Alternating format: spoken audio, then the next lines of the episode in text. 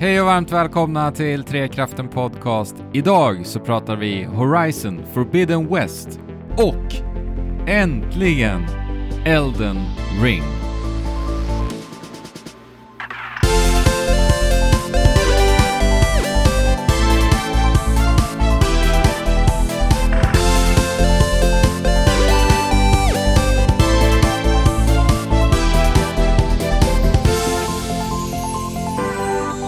Välkomna tillbaka till Trekraften Podcast, kära vänner och lyssnare. Eh, Fabian, hej, du är, du är här. Det känns Hej, här är skönt. jag. Eh, Det är skönt att ha dig ja, tack. och er här. Det, det är fint. Eh, Och den andra i eret är ju Andrew, som också är här. I alla fall, Nej, nej. det var han inte. Jag är här. Han She, försvann. Åh, han lurar oss.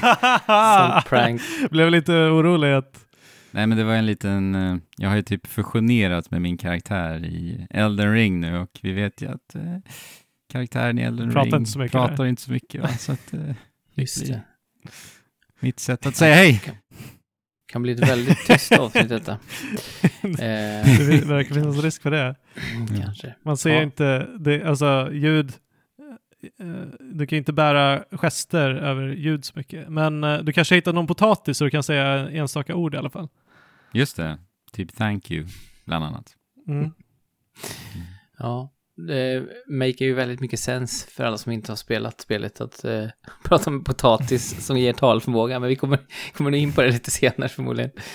Eh, ja, nå någonting annat som inte make så mycket sens är ju, det är ju i de här dagarna svårt att eh, inte tänka på eh, in, Rysslands invasion av Ukraina och människorna i Ukraina. Och vi ska bara liksom börja podcasten med att att säga det att vi eh, tänker ju på människorna där och hoppas för allt i världen att kriget tar slut och att, eh, ja, att det går så bra det kan. Men, men man behöver också på något sätt leva sitt liv under tiden och det är, det som, det är alltid svårt på något sätt i, i sådana här situationer. Men det är väl det som podden blir för oss nu en stund också, flykt ifrån eh, Mm. det hemska i Ukraina och liksom försöka ge er som lyssnar också en stund av avslappning och glädje. Så vi, vi försöker se på det på det sättet, tycker jag, ikväll. Slava Ukraini. Precis. Under, skriver under på det. Eh, och med det sagt, det finns ingen jättesmidig och bra övergång, så vi, vi gör inte det, utan vi, jo, vi kan säga det att eh, en annan sak som jag har gjort i alla fall för att eh, eh, ge lite balsam mot själen är att umgås med min familj. Och inte på vilket sätt som helst, hörni, utan vi fick ju något fint i vår eh, mailkorg här för några veckor sedan, trilla in. Just det. Just det, och ni kanske har svårt att en familjegrej. ens formulera vad det är som trillade in i jag, vår jag har ingen aning, så du får elaborera. Ja, men vi eh, är ju ganska trogna Pokémon Go-spelare i vår familj. Eh, Jag och Nisse har ju spelat sedan dag ett. Eh, Då bodde vi i Stockholm på den tiden. Och då var det ju liksom, bara att det ploppade upp en Pokémon i Pokémon Go var liksom ett event i sig, för det var så få Pokémon och man fick nästan ingen XP och det var liksom väldigt så här, ja, de hade byggt det ganska snålt och med lite så här fokus på eh, mikrotransaktioner. Men fortfarande magiskt. Vi, Eh. Ja. Jag har magiska minnen från när jag började spela Pokémon Go. Ja, just det här sociala, att man så bara pratar med massa främlingar om, ja, Ja. vi såg en här borta och kom och ta över gymmet och så här, ja, det, och den aspekten finns ju kvar, men det har ju, spelet utvecklats otroligt mycket sedan dess, alltså det, det lever ju och frodas verkligen, och här i Falköping där vi bor så finns det en raidgrupp, eh, en messengergrupp på Facebook då, som har Mm. eh, ja men hela tiden så här skriver, nu ska vi raida här och nu ska vi raida, vilka vill vara med och sådär. Eh, och då fick vi förfrågan om, eh, från min gamla fina arbetsplats, MI5 som jobbar med Pokémon Go, om inte vi ville ha eventbiljetter till det här eventet nu då, i slutet på februari. Vad är det för event? Ja, precis. Eventen i Pokémon Go är ju så att då, eh, dels så ökar, eh, eh, ökar, eh, säger man, frekvensen av vissa Pokémon, men så kommer också Pokémon Mm. som inte har varit med på länge tillbaka, de liksom kommer in i rotationen igen. Aha. för det är ju så att man Mm. släpper generationerna, jag tror det är generation 7 nu som är på gång. Eh, härnäst. Och då tar de liksom Vilken bort det då, gamla generationer allt eftersom. Oj, det är... eh, Poplio... Nej, jag vet inte. Jag kan inte så mycket om Pokémon. Eh, jag har ju lärt mig det mesta jag kan genom, genom Pokémon Go. Eh, men vilka är Mm. generation 7? För er som är lite mer... Ja, nej, jag vet inte. Oj, jag, jag är helt borta ur Pokémon-loopen. Ja. Nej men, nej, men och, och förutom det då, att det roterar in, så är det också att eh, raid, femstjärniga raider, alltså legendary raider, blir mycket fler och massa uppdrag framför allt. Man får väldigt mycket XP för att uppdragen eh, ökar på, det blir många fler och det blir mycket lättare uppdrag som också relaterar till de Pokémon-typer som kommer fram och så, så att man får liksom lite hjälp på traven med XPn. Och jag Eh, För något år sedan så gav jag mitt konto till Nils, så att han tog över mitt Pokémon-konto och det var ju hyfsat högt levlat. Och då fick jag ju börja om igen på ett nytt. Eh, och det, i början, det är ju, det ökar expo, exponentiellt hur mycket XP man måste ha. Eh, Just det. Så att i början går det ganska snabbt. Medan han är nu uppe på, jag tror att de behöver sådär en och en halv miljon experience points för att gå upp till nästa level, medan jag har typ 300 000 tror jag per level och sånt där. Eh, så, Låter så vi gav oss ut till, Ja, ja det, det tar ju ganska mycket tid. Eh, speciellt om man är då över level 35 som de är. Och nu, nu är väl capen 50 tror jag de har höjt den till. Då. Så lite MMO-aktigt. Men, men vi gav oss i alla fall ut då på lördagen. Vi, vi åkte tillsammans och köpte lördagsgodis först i vår lokala godisbutik här. Och sen så gav vi oss ut på, på stan. Och då träffade vi våra, ja, inte riktigt grannar, men nästan grannar. De bor ett kvarter bort. Som var ute och körde och min gamla högskol, högstadieklasskompis som var där och körde på torget. Och det var ju må- många andra också där. Så då går man runt och fångar, kör lite raids tillsammans och, eh, och liksom försöker få shinies och man kör så här shiny check som det heter. Man sticker in alla telefoner i en ring och så trycker man samtidigt, när man har fångat den här legendary Pokémon efter en raid, så trycker man liksom eh, på, eh, nej så är det, när man, när man har fått ner, eh, för man raidar ju och får ner den legendariska Pokémon, Ja. Sen så måste man ju fånga den också efter det, liksom, efter fighten. Och då eh, gör man en shiny check. Då sticker man in telefonen i en ring och så trycker man på, ja, och så trycker man på go to challenge. Mm. Och så ser man då om man har fått en shiny eller inte och så, ja. Eh, Ja, okej. Så det är, inte, alltså det är inte en feature i spelet att man sticker in telefonen i en ring, Det utan en det har bara blivit grej. en liksom social grej, ja, precis. Ah, Ehm, och den första, roligt. Den första Pokémon jag fick i hela eventet var en, eh, en shiny, nu ska vi se vilken det var. Var det Growlithe eller Houndoom? Ja, eh, den första Pokémon jag hittade i alla fall i det vilda var shiny och Nils blev ju helt hund. till sig. eh, ja. eh, och så. så att, och det var en, vi, vi spelade i ett par timmar typ, eh, för det pågår ju då från nio på morgonen till nio på kvällen. Så vissa är ju hardcore, alltså pappan i familjen som vi träffade på där, han hade ju kört, jag tror han hade kört så här åtta timmar. Alltså, någonting. alltså hur, man får väl slut på Pokémonbollar och grejer? Ja, Pokébollar? men då har de också ett eh, event en vecka innan själva huvudeventet. Eh, som bara går ut, så här prep rally heter det. Då går det som bara ut på att man ska maxa Ah, antal bollar liksom. Eh, så att, eh, ja, det är, en, det är typ en livsstil för de personer som är mest engagerade i det. Vi är ju lite mer casuals, men eh, det är kul att liksom dippa in i den där hardcore-världen, för de är ju så otroligt målinriktade, de personerna. Ofta flera konton och samtidigt snurra på flera telefoner och så här. Så att, Ja, galet. ja, en nu när jag bor mitt i stan så måste jag ju testa på Pokémon Go igen. ja, Det lär ju finnas rätt goda möjligheter att, att eh, samla på sig saker och ting. ja, du kommer Men- rusa i level fort. Men du sa sh- shinies, alltså hur, hur sällsynta är de? Ja, jag kan inte säga procentuellt, men ganska Men- sällsynt ändå. Alltså, men de, de som är dedikerade spelare, de har ju Legendary Shinies kanske sådär, ja men 15-20 stycken i alla fall. Men då har de spelat i, när släpptes Pokémon Go? 2015 tror jag. 16, ja, 15, 16. Ja, kanske var 16. Ja, precis. 16 så då har de ändå Ja, kört så- i sex, sex år nu då, nästan. Eller 15 Så det är ändå, ja, relativt ovanligt måste man ändå säga. Så det var ju, var ju kul. Det var det första jag såg i, Ja, i eventet. Så att, ja, nej, men det är ett extremt mysigt sätt att umgås med sin familj och, och just så här under en dag, nu ska vi fokusera på Pokémon Go, eh, eller som vi gjorde under en kväll. Ehm, så eh, det kostar 120 kronor för en sån biljett normalt sett. Eh, Ja, det låter mysigt. Så jag menar, får, okej. ja, och tänker man liksom vad man får över men 120 kronor i en biobiljett nu, liksom, det är två timmar kanske. Kör man det här under en dag så får man ju ganska mycket skoj för pengarna. Mm. Ja, det låter ovanligt mysigt. Alltså Mm. inte, inte något jag hade förväntat mig. Eller någonting jag, jag har inte den uppfattningen om Pokémon Go. Eh, Nej, Mm. det spelas på det sättet. har man rätt eh, förutsättningar så kan det vara riktigt eh, mysigt. Alltså jag minns så väl när jag slutade spela Pokémon Go för att det var en sådan sorglig insikt. Just när jag förstod att jag som bor bokstavligen ute i det vilda, jag, Ja. jag kan inte spela spelet. Men det är så här, Mm. det borde Det ju synd. vara tvärtom emot hur de har designat det. ja, Exakt. eller hur? Ja, Ja. kommer du ihåg att vi så här drog ut med bilen och typ åkte till någon sjö för att se om det fanns vattenpokémon där. Men riktigt så väl designat var det ju inte.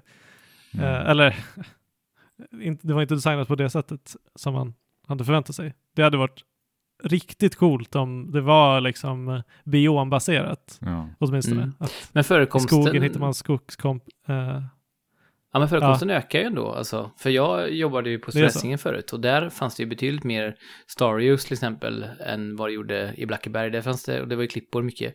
Och där fanns det mycket eh, Magnemites och andra. Så att jag tror ändå att det Mm. är...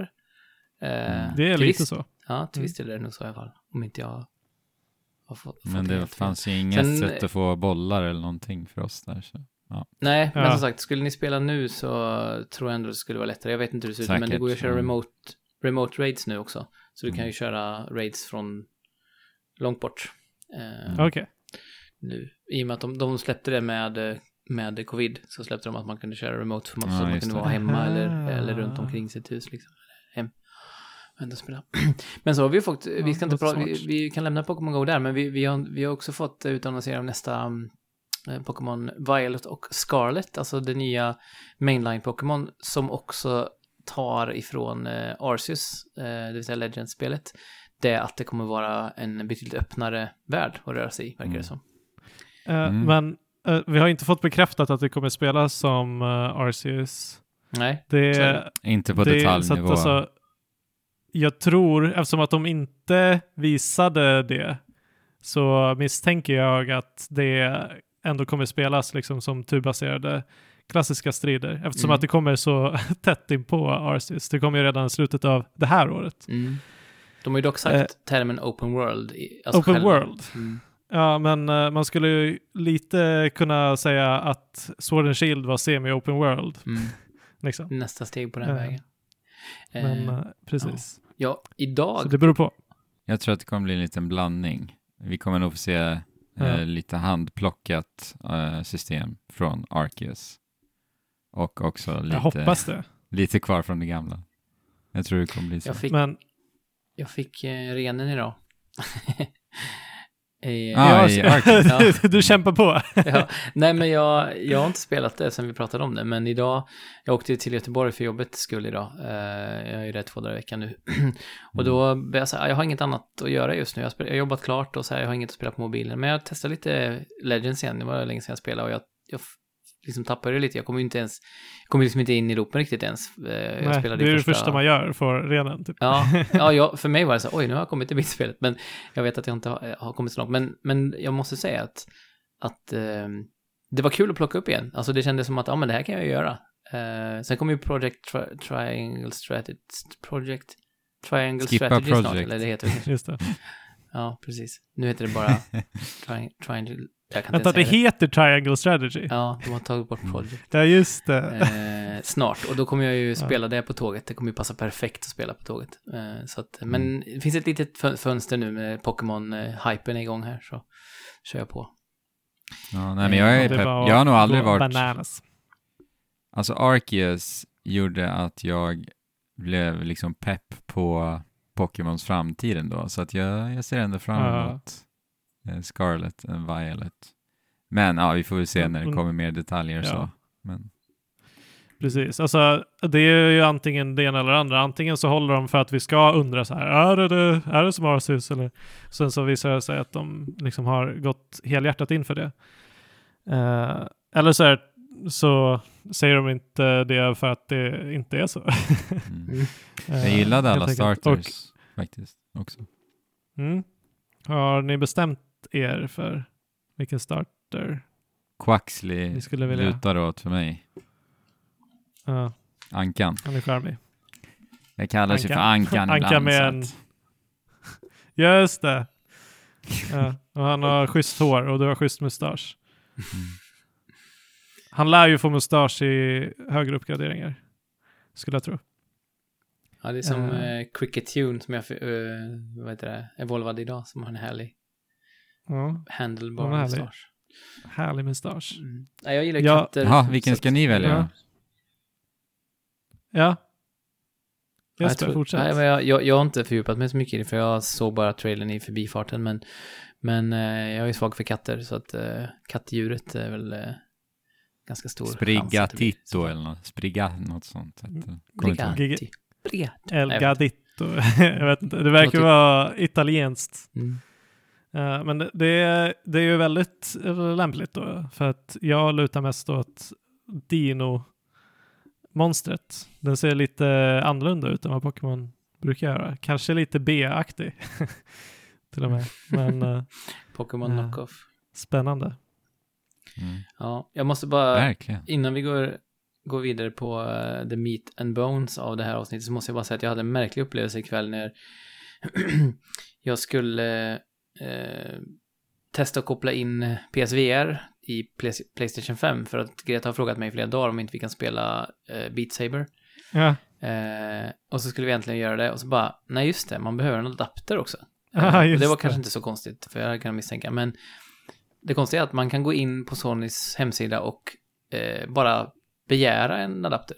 alltså man får Begära en? Ja, man, man, man, ja, man, man kan Mm. få den.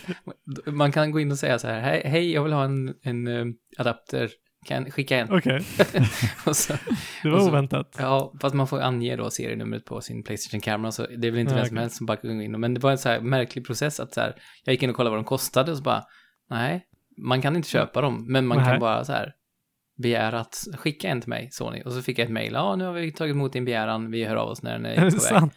Ja.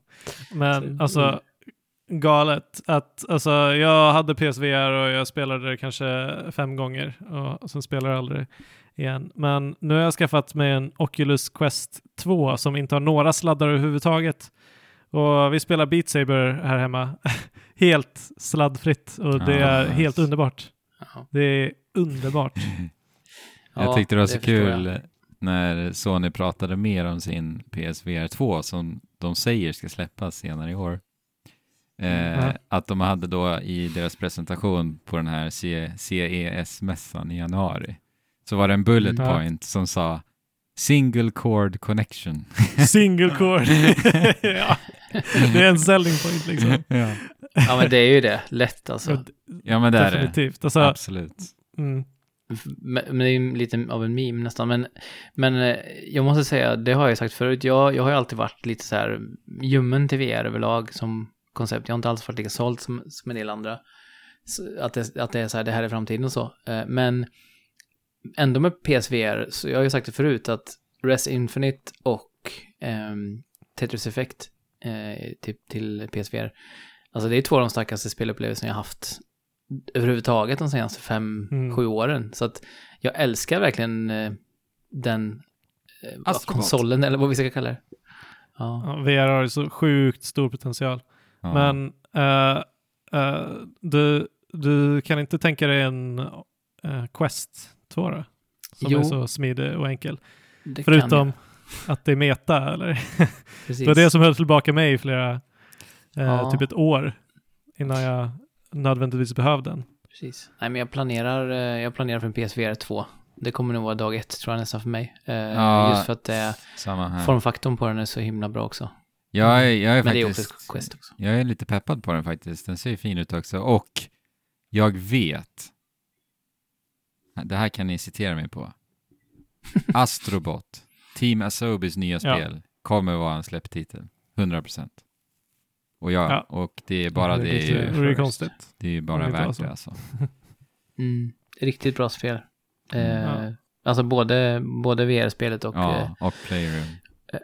mm, pack-in-spelet. Wow, med älskar dem. Playstation 5.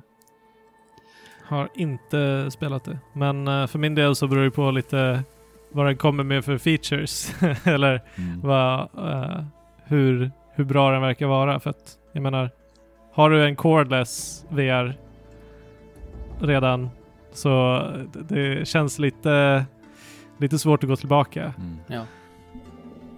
Ja. det. Och Questen är ju, Men, eller eh, Quest vi får 2 se. är ju fantastiskt bra. Jag har ju testat den lite också. Men Jesper, du kan ju passa på Eh. att göra en rätt schysst segway här ju. För att eh, Mm. eh, Horizon kommer ju att släppa ett VR-spel till PSVR 2 ju. Precis. Eller? Och det är väl också en av anledningarna till att jag är där day one kanske. Eh, Mm. För att nu, kära ni, eller ja, alltså så här. Vi pratade förut om att världen är lite upp och ner och det här avsnittet är också lite upp och ner därför att vi kommer prata först om vårt huvuduppdrag och sen om vårt sidouppdrag mot slutet på det här avsnittet.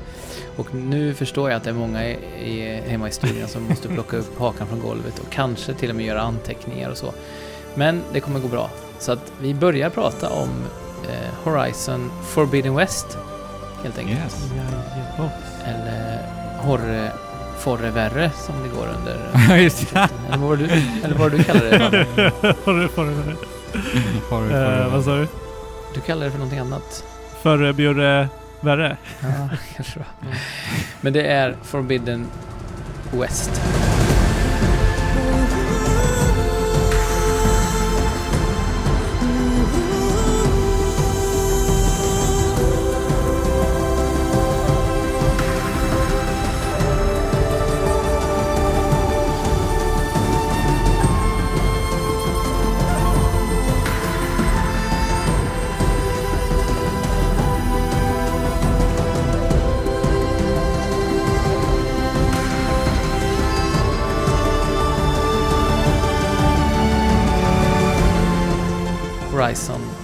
Andra utgåvan av Horizon. Där, eh, det är rätt svårt att hålla, hålla eh, isär dem tycker jag med titlarna. Jag säger fortfarande ganska ofta eh, Zero Dawn när jag ska prata om eh. Forbidden. West. Jag tycker Forbidden West är ganska dålig undertitel. Eller alltså, det ligger inget bra i munnen. Nej, känns det är lite naturligt klonk- att säga på något sätt. Klonkigt. Zero Dawn känns ju väldigt så här, Zero Dawn, det Ja. ligger väldigt bra i munnen. Men Verkligen. ja, och det, har, det är ju en högtidsstund när detta spelet släpps för många. Eh, Mm. och eh, mig, under, eh, mig inräknad där. Eh, men vi har ju en ganska stor spridning på ingången i det här spelet eh, om man räknar med hur vi kände för eh, originalet, Zero Dawn. Eh, En liten recap för de som inte var med då eller som har glömt bort det avsnittet. Mm. Eh, hur, eh, vad är relation till originalspelet? Jag kan börja Eh, ganska... Jag kan börja... Nej. Oj. Är mitt internet lite Kör du då. fördröjt kanske? Men ja, vi kör. Ja, det kanske är, det kanske är så. Ehm, Eh, nej men, ja, Jaha. kör du. Ehm, nej men jag kan ta det väldigt, väldigt kort. Eh, det är ju det här superklassiska som ni säkert har hört många, många, många säga. att jag spelade ju Horizon Zero Dawn efter Breath of the Wild. Eh, och det Mm. gjorde det ju lite svårt för mig. Eh, så att jag tror att jag upplevde nog inte det spelet eh, på rätt premisser så att säga. Alltså jag, det blev väldigt tydligt att jag oundvikligen förstås jämförde det eh, väldigt, väldigt mycket med Breath of the Wild. Och det var ett Mm. spel i och med det som fick mig att inse liksom många brister med den typen Open av World, precis. eh, open Men det är, world. det är skönt att konstatera då att eh, Forbidden West får en ärlig chans och får en, en, en liksom ren Ja. runway här nu. Eh, det inte Ja. kommer ett annat spel som, som pinpointar dess svagheter. Exakt. i- Det är helt Det är fritt skönt. nu. Liksom. Ja. ja. Alltså, Open World-spelplanen är liksom bara bäddad för. ja. Men, men Ja. ja. Ja, vi, vi kommer in på det mer sen också, det här vi pratar om nu och det du säger också, eh, Andrew. Men jag, jag har ju den lite eh, passivt aggressiva åsikten att, att Breath of the Wild och nu då Elden Ring, för er som inte var med på den, eh, eh, det skämtet, eh, gör att du i kanske för hög grad eh, synar Horizon, eller du fastnar liksom vid Mm. bristerna. Ja, Eh, vilket har varit en diskussion lite vi har haft. och det är därför jag Ja. säger att, att det, jag spelade lite på fel premisser. Att det blir liksom, redan min inställning minns jag eh, när jag spelade första spelet. Mm. var ju redan direkt ganska så här. Så att jag, jag, jag vet inte, min åsikt om första spelet är ju lite, den är kanske lite onödigt hård liksom. Men jag tyckte inte att det spelet var super. och jag minns Mm. så Nej. väl när jag spelade det, att jag var väldigt frustrerad och irriterad Mm. och bara sprang igenom spelet i stort sett. Och jag har, Ja, ju, jag, alltså jag förstår dig. jag har i stort sett inget minne av spelet alls, överhuvudtaget. Det är liksom bara helt blankt för mig nästan. Jag minns eh, Ser maskinerna, framför mig, typ. ja, ser framför mig hur Alo bara springer i en rät linje oavsett om det är ett berg eller en sjö eller det bara, bara rakt fram, plöjer igenom allting. Ja. Ja, Du då Fabian, vad hade du Ja. för eh, bild av Till- första? till Zero Dawn. Jag kan börja fortsätta där lite eh, och vi börjar med nu. Att jag spelade största delen av Horizon Forbidden West och sen så startade jag Ellen Ring för att det, jag hann inte färdig med det och sen så var det eh, lite trögt att gå tillbaka och, och eh, spela vidare på Forbidden West. Men eh, Zero Dawn, jag spelade Horizon Zero Dawn eh, innan jag spelade Breath of the Wild. Jag tyckte det var det bästa open world-spelet jag hade spelat. Sen kom Breath of, Breath of the Wild och slog det med hästlängder. Eh, så att jag hade en väldigt bra upplevelse med första spelet. Och eh, jag hade väl ungefär samma förväntningar på Forbidden West när jag gick in i det som jag upplevde eh, med, med Zero Dawn. Ja, det är roligt för att vi har ju tre olika ingångar i originalspelet och lite grann ska det nog visa sig också kanske i, i uppföljaren som vi ska prata om mest idag. Men eh, för, för Zero Dawn så var det ju att jag, jag spelade det långt efter release. Um, Ja. Jag hade ju spelat Breath of the Wild innan för det spelade jag ju såklart på release och eh, men, eh, och älskade, det är ju mitt favoritspel genom alla tider, det tror jag de flesta har, har koll på nu eh, i podden. Men ehm, så jag spelade ganska många månader efteråt och först spelade jag eh, Zero Dawn lite grann. Jag spelade kanske tio timmar någonting sånt och så, ja men inte riktigt fastnade. Framförallt tyckte jag att striderna var eh, lite tröga och svåra. Jag tyckte liksom, det var, det var inte så kul strider tyckte jag. Jag förstod mig inte på dem riktigt. Och sen så Mm. liksom lyssnade jag lite på någon podd eller vad jag gjorde, läste lite grann och sen så efter ett tag så hoppade jag in igen i Zero och då klickade det totalt. Eh, för då fattade jag striderna och då blev striden istället någonting som jag verkligen såg fram emot i spelet. Och ehm, vi, vi, kan, vi kommer, det är bättre att vi pratar om Forbidden West nu, men eh, och för det, det ligger mycket i varför jag tycker så mycket om både originalspelet och Forbidden West som jag spelat nu. Men det som jag tyckte var kanske allra starkast i Zero Dawn var ju eh, berättelsen kring mysteriet och, och världen och Mm. varför den såg ut som den gjorde och eh, ja, twists och, och turns i, i berättelsen.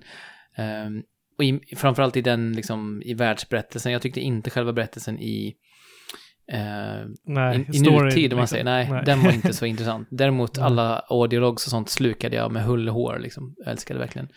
Ehm, så, Ja. så, så vi har väl så här, vi har väl liksom en låg, en ganska hög och en väldigt hög eh, angående eh, Zero Dawn. Och då är frågan, vad känner vi om Forbidden West? Vad, eh, vad är liksom eh, high level intryck av, av Forbidden West nu när vi har, och, vad, och vad, vi kanske ska börja där. Hur, hur mycket av spelet har vi tagit oss an och tagit oss igenom?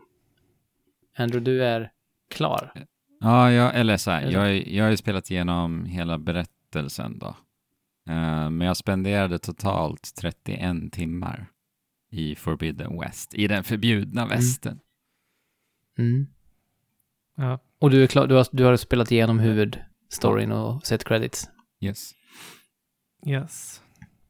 Och du då Fabian? Och jag, eh, eh, jag misstänker väldigt eh, starkt att nästa uppdrag är det sista uppdraget. Mm. Eh, det har varit, eh, Aloy har sagt så här, ja ah, nu måste jag verkligen fixa mina saker innan jag börjar ge mig iväg på det här. Typ.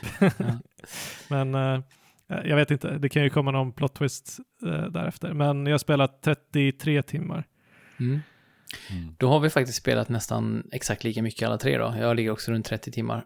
Är det sant? Ja, men, men skillnaden, är- skillnaden är väl att eh, jag inte ens har kommit igenom halva spelet än.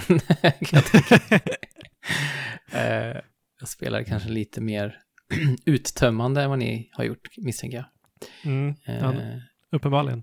Ja.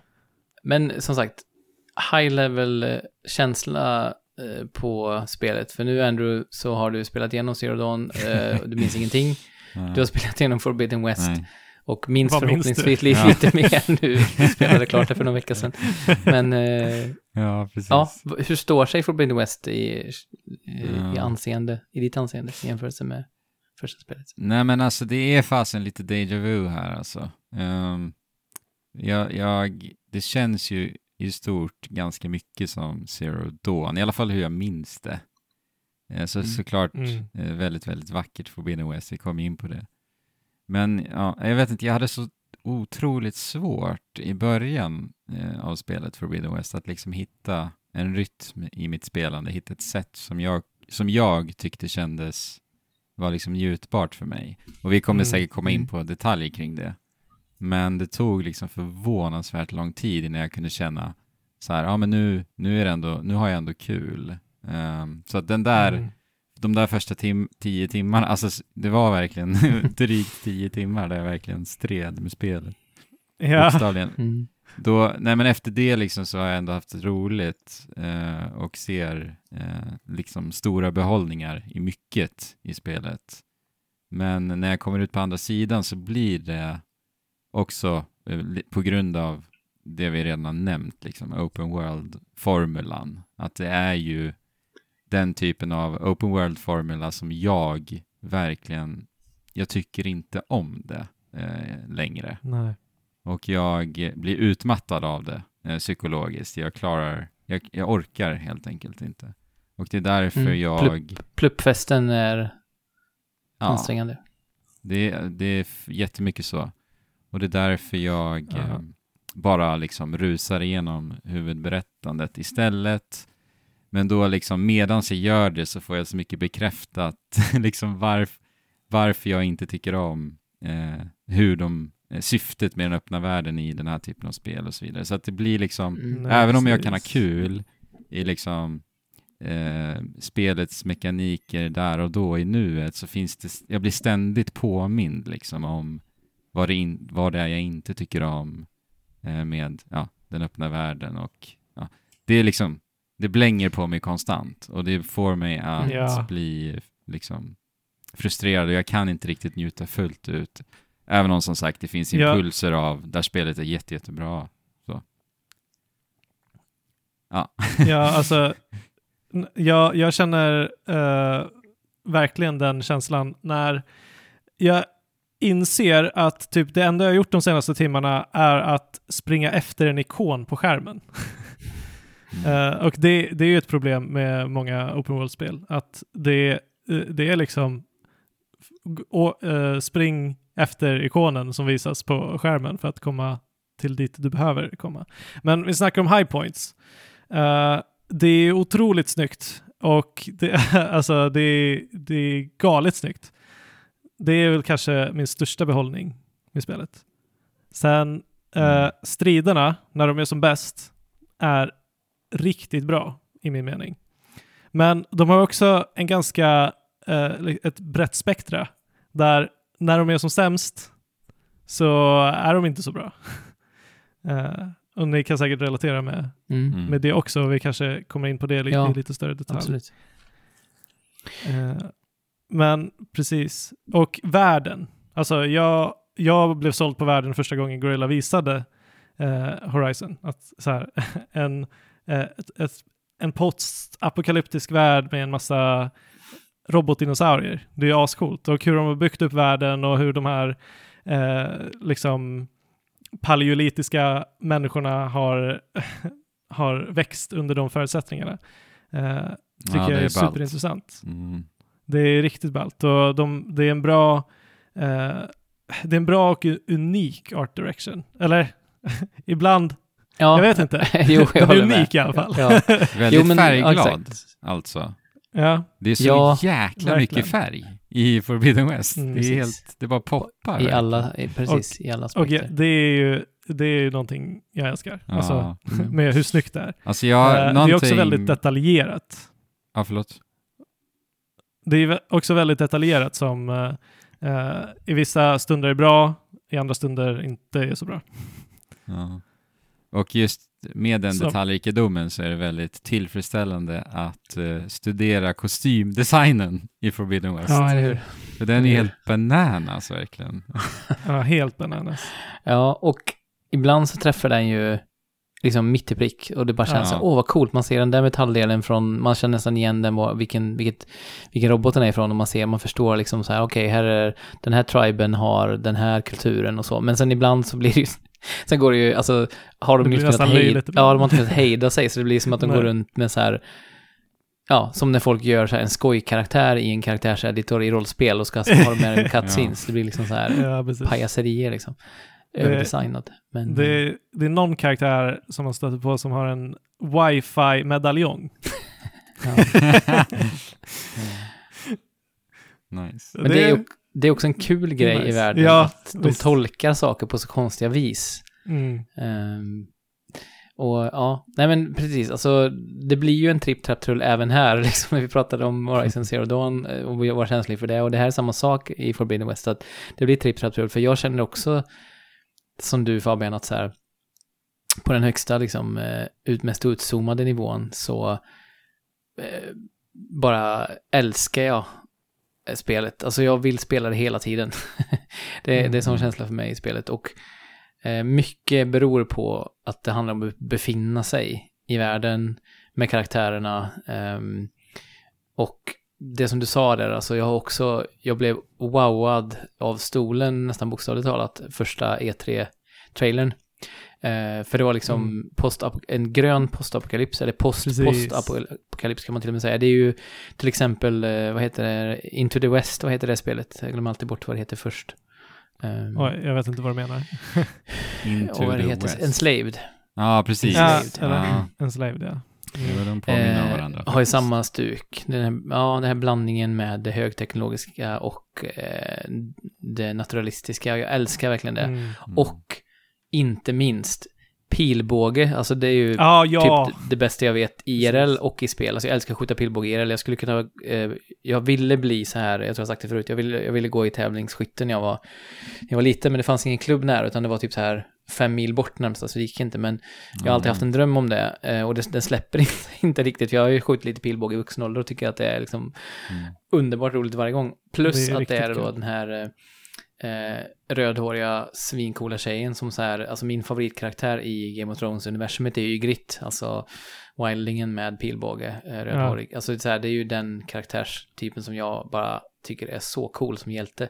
Så att det var ju som att Mm. så här, okej, ex, ni har extraherat de sakerna som jag tycker är häftigast och bara så här, det är också på en väldigt så här, lite nästan barnslig på ett barnsligt plan, att man är så här barnsligt förtjust i dinosaurier fortfarande. Mm. Och robotdinosaurier blir ännu coolare. Liksom. Ja, Pilbåge, ja, och jag älskar pilbåge. Och rödhårig tjej, vad coolt. Alltså så här, så att i någon mån är det lite så här, eh, ja men det är skönt att få vara lite, få låta den barnsliga entusiasmen komma fram eh, så. Ja. Och ja, jag har en massa tankar kring varför de sakerna som du eh, fastnar på ändå, eller de som du liksom, som sabbar upplevelsen för dig i, i viss mån, inte gör det för mig. Eh, m- Men det, det, det, det är detaljerat, så vi kommer in på det, på det snart. Men om vi pratar om världen lite, ehm, har ni någon så här favoritplats som ni har varit på? Alltså då menar jag liksom settlement eller biom eller vad den kan tänkas vara. Är det någonting som ni känner att så här,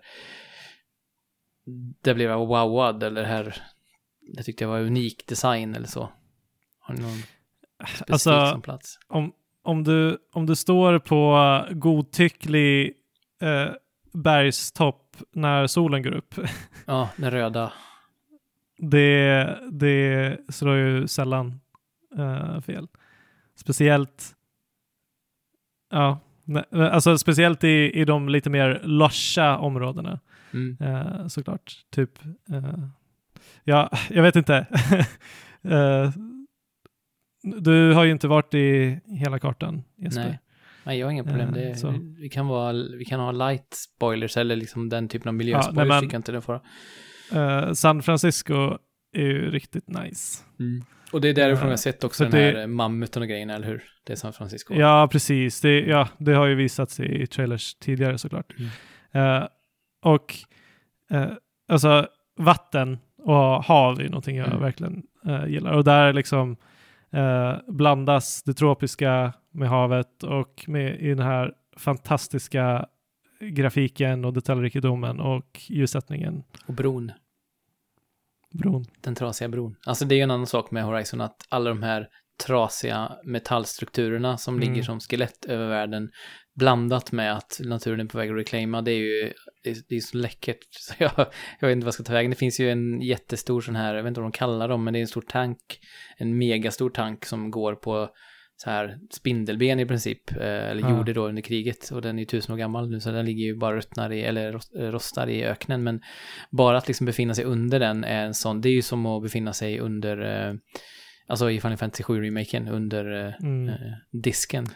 Ja, det har bra skala alltså, det här Mm. spelet. Som jag inte upplevde att Men första har hade det verkligen det då? alls lika bra. Jag, förlåt att jag bara, men har det? Men eh, jag spelar ju ja, Elden Ring här och alltså det spelet gör det miljoner gånger bättre. Så att Ja, men, jag bara så här tänkt, men är verkligen skalan så bra i Forbidden West? För jag tycker att, ja men jag vet inte, det är Alltså- någonting med spel. Varför är det så svårt att skapa den där känslan på riktigt? Alltså generellt så är det väldigt få spel som lyckas med det.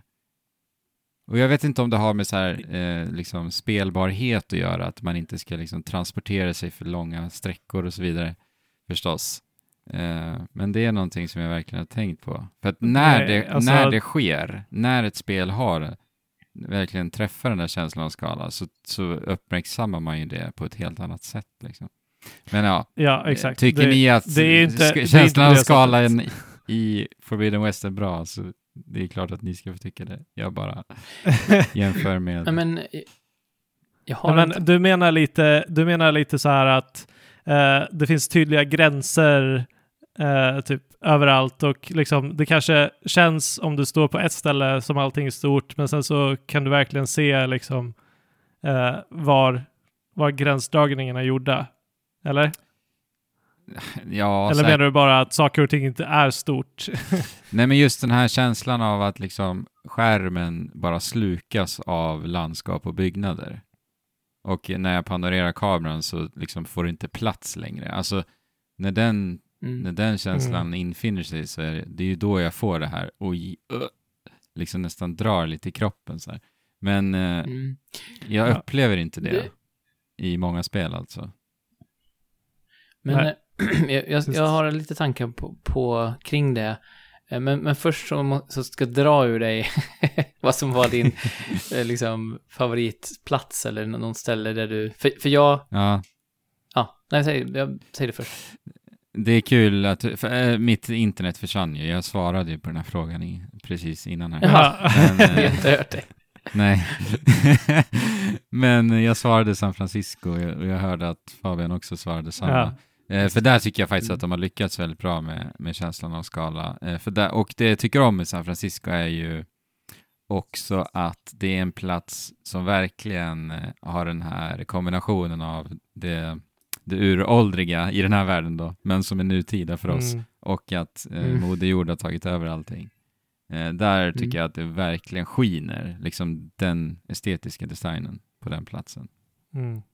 Så att ja, Ja, jag, jag- tycker jag- och det är Ja. någonting med ljussättningen där som jag totalt älskar också. Ja, precis. Ja, Och det, jag, jag tror att det har med att havet är liksom turkosblått och ja exakt. ja. som gör att det blir... Och, och sen så eh, när det kontrasterar med det här djupa röda på vissa ställen Just det. Mm. eh, från...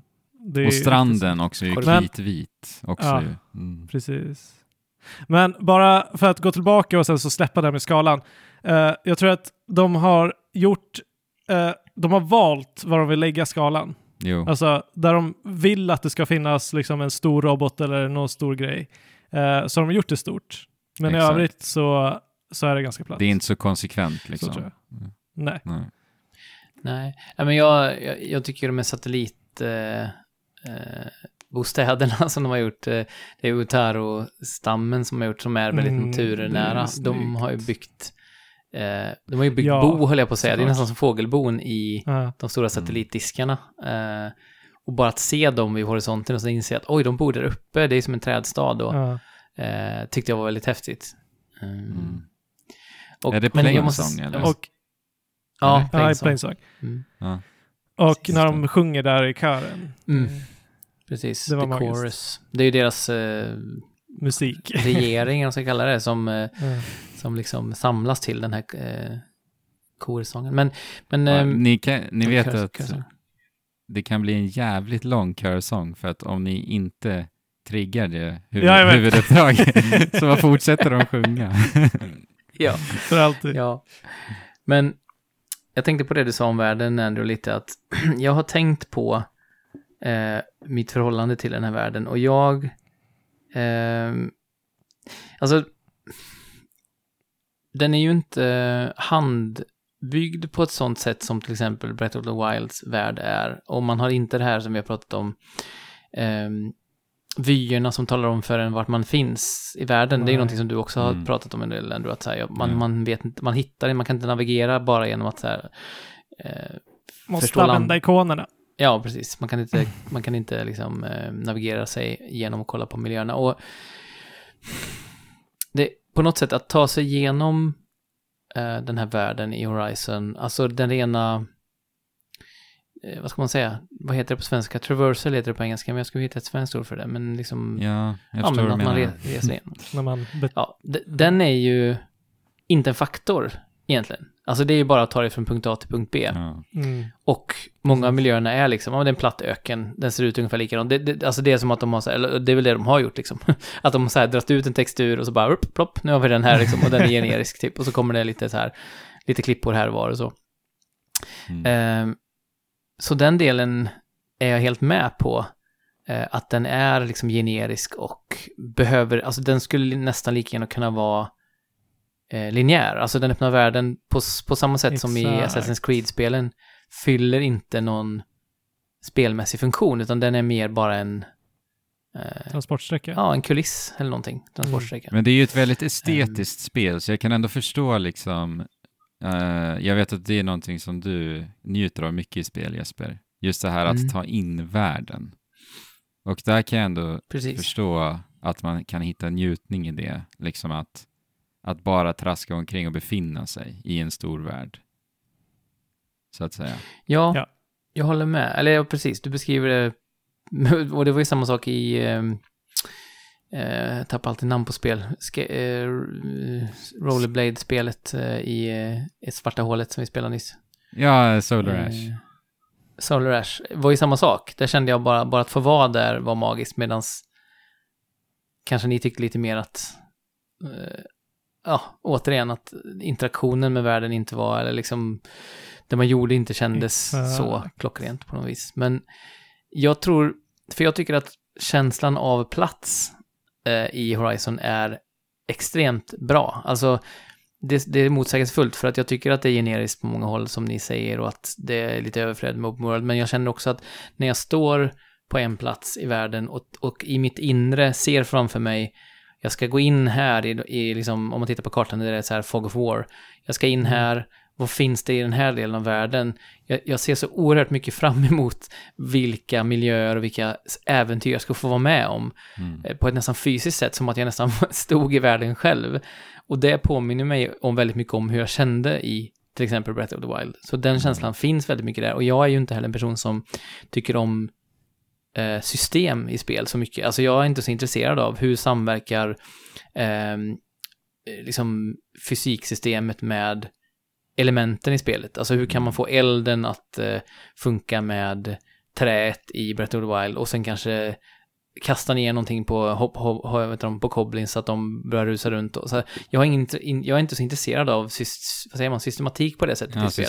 Och det finns ju inget sånt i, nej, i Horizon finns det inget sånt i princip, utan det är ju bara, Ja. ja, de är utplacerade här, de är här, de interagerar inte med varandra, de kommer inte integrera, de kommer inte att komma framåt om inte du knuffar dem framåt. Alltså det är ju du, det är ju du som triggar en sån allting i världen. Det, det, det pågår inget liv utan dig, om man säger så, i, i Horizon. Eh, Nej. Men jag, jag bryr mig inte så mycket om det, utan jag känner mer så här, åh, jag ska få vara med om ett äventyr.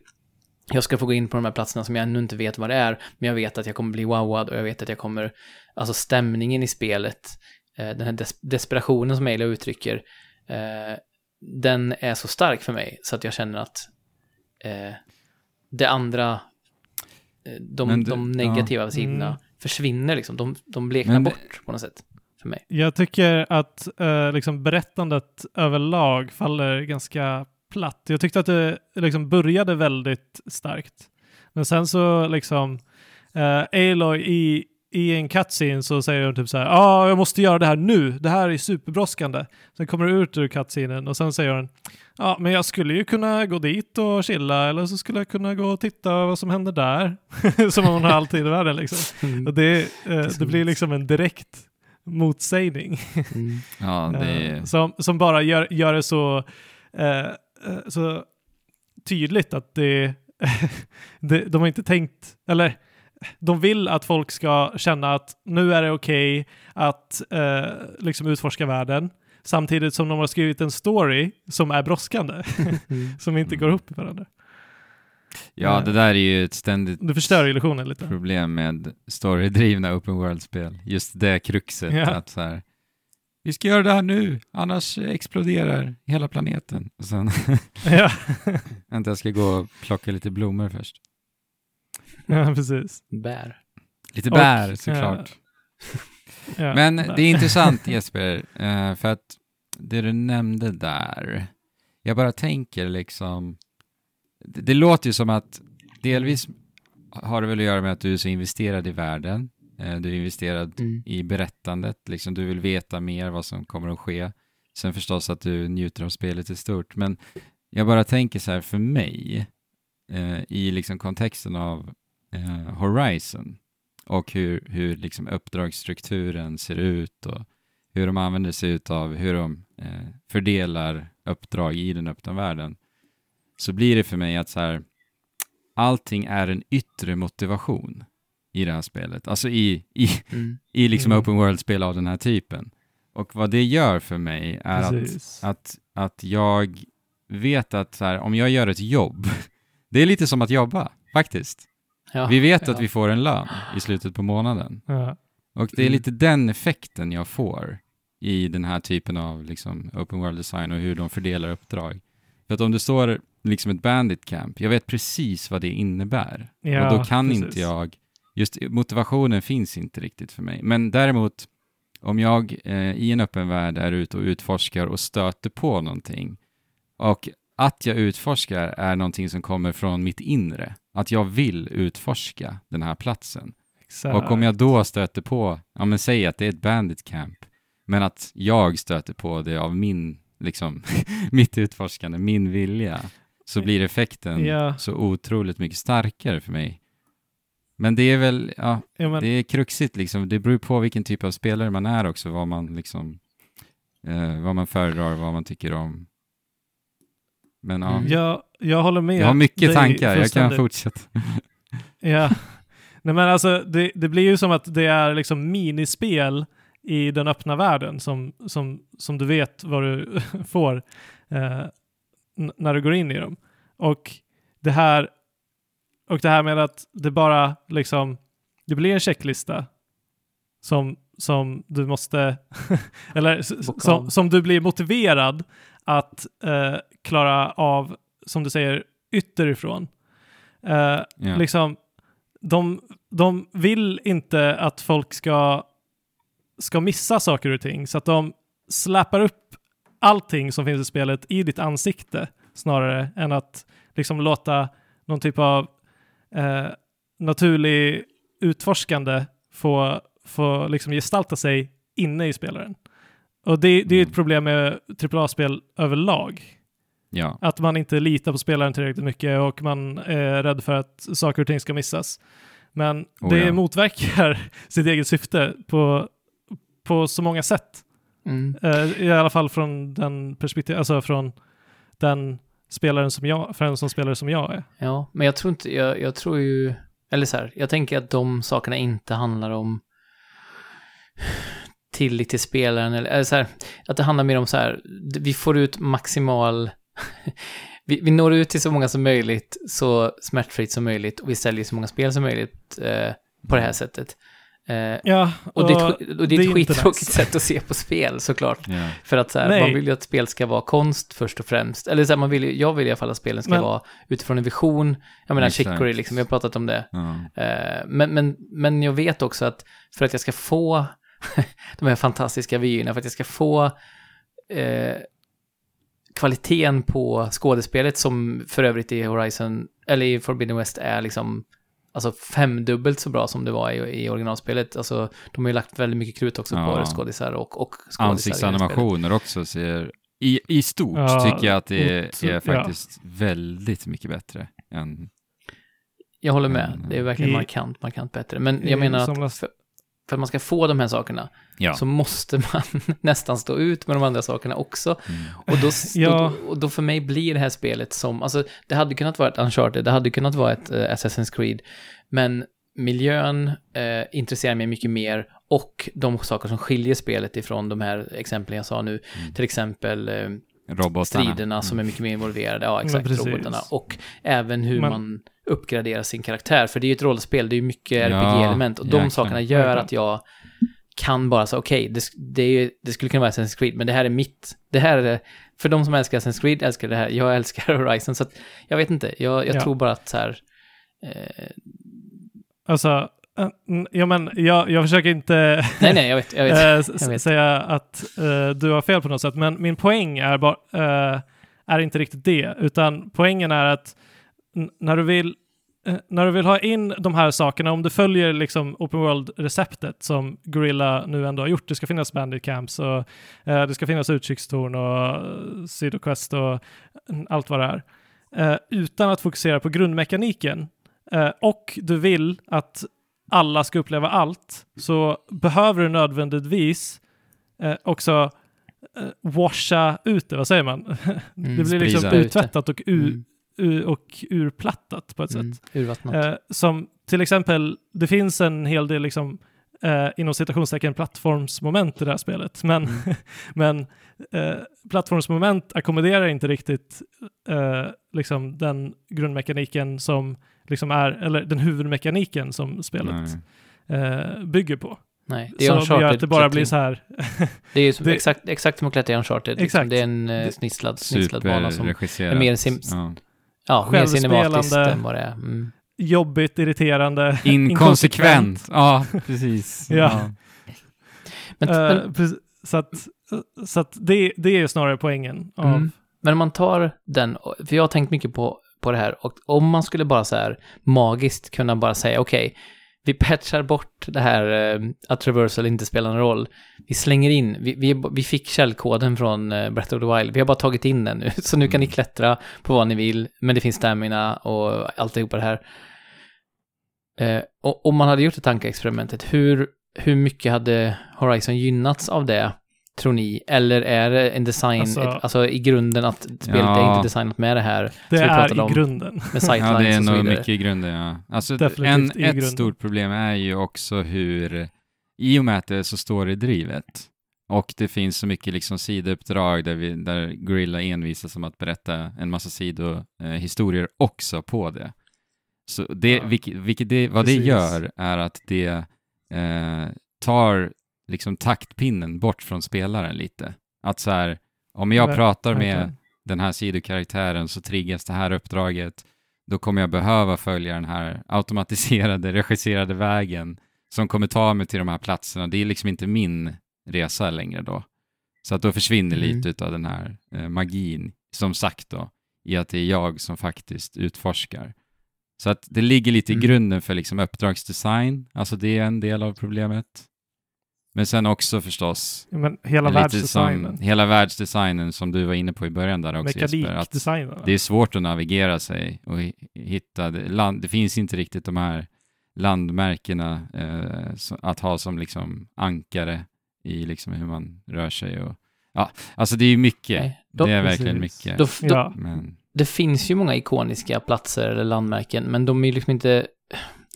Geometrin är inte designad på sånt sätt att man kan Nej. navigera efter dem och förstå, utan det är mer som en tunnelbana som jag upplevde i Stockholm de första åren när jag bodde där. Att så här, jag, jag, Mm. jag kände till Fridhemsplan och visste liksom vart alla Ja, butikerna låg, men jag fattade inte hur Fridhemsplan hängde ihop med, Nej. med liksom Odenplan, eller Sankt Eriksplan snarare kanske. Eh, Mm. För att jag åkte bara ner i tunnelbanan och då såg jag inte det. Alltså det är den känslan att man åker runt bland de olika eldarna och Mm. fast-travelar runt, men man får ingen känsla för att de hänger ihop. Men Exakt. jag, Bra alltså jag, återigen, jag tror att jag är liksom beredd att, så att säga, förlåta mycket av de här bristerna, för att jag, det blir som en, eh, en äventyrsfilm för mig. Ja. Ehm, där jag liksom är så fokuserad på, och jag vill berätta, jag, det här med berättandet också, jag vill bara skjuta in det att jag tycker inte heller att själva liksom storyn är magisk, utan det jag tycker är så härligt är stämningen som finns i världen och eh, Mm. ja, men, a- men helt enkelt atmosfären och, och, och, och jag tror också att jag är ju ganska eh, jag har ganska lite filter, alltså jag, jag är som en svamp vad gäller det, jag tar in stämningen och det är därför också jag har så svårt att spela From-spel för att jag kan jag klarar inte av att liksom förhålla mig till att det är Ja. så tryckande hela tiden, det går rakt in. Eh, och här är det ju liksom också ödesmättad stämning, eh, men där... Men där på ett lättsmält sätt. Ja, precis. Där ni och de andra kanske känner, många andra kanske känner så här, "Ah, ja, eh, det här är lite så här, ja men som du sa, lite lättsmält variant av det. Men för mig som inte riktigt har filter så går det in och sätter sig Mm. käns- i känslan, men, men det tar inte överhand att det blir för jobbigt, så att det hittar en sweet spot hos mig. Jag tror att det är det som också gör att jag njuter av, som sagt, kanske inte storyn i sig, utan mer eh, alltså Ja. interaktionen mellan karaktärer och så vidare. Till exempel, alltså, det jag nämnde mm, eh, röstskådespelaren förut, jag tyckte att Ashley Birch som gör Aloy är, alltså, världsklass plus. Jag tycker att hon är liksom på den nivån som, när vi pratade om, om Supergiants röstskådespelare till exempel. Um, alltså bland de bästa som finns. Jag tycker att hon är fruktansvärt bra. Jag, jag liksom så här skrattar högt, eller så här för mig själv, flera gånger när hon för att hon är ju, hon är ju exakt på det sättet som min, min Shepard var i Mass Effect, det vill säga så fort någon försöker Nice. eh, ja men så, här, så fort någon försöker liksom sätta sig på henne eller på något sätt så här kontrollera henne, eh, så jag bara, nej, det tänker jag ställa på. Det är som att så här, Ja. det, det är, något, är lite det är några som alltså. så här, ja, Ja. jo, men jag älskar ju det. Hon är mer dryg i det här spelet än vad hon var. Hon är så otålig i det här spelet, framförallt till att börja med. Ja. Ehm, och där, där är det ju återigen lite så här, ja det är lite... I cutscenes. Ja, precis. Ja, men det, och det är lite karikatyr på det hela för att det är så här, jo vi fattar att där, du har inte tålamod med andra och lära dem för att du måste klara dig själv och du måste ta bördan Mm. på dina egna axlar och, och man fattar att okej, storyn är att hon kommer förstå sen att hon behöver hjälpa sina vänner och göra det, göra det. Ja, Friendship precis. is magic. Ja. Men, eh, så det är lite tröttsamt. Men däremot, som sagt, moment to moment tycker jag är fantastiskt när hon dissar någon. Som att så här, och de bygger upp som att, ja den här hövdingen, du måste respektera honom. Du får inte liksom, du kan inte, jag sköter snacket nu, du kan inte komma in och säga någonting. Hon bara, vi får väl se. typ så här, hon, Ja. bara, hon skiter fullständigt i. Ja. i Men vad alltså, andra säger. jag håller med. Eh, Ehm, Jag håller med dig på den punkten att eh, liksom prestationen är riktigt bra.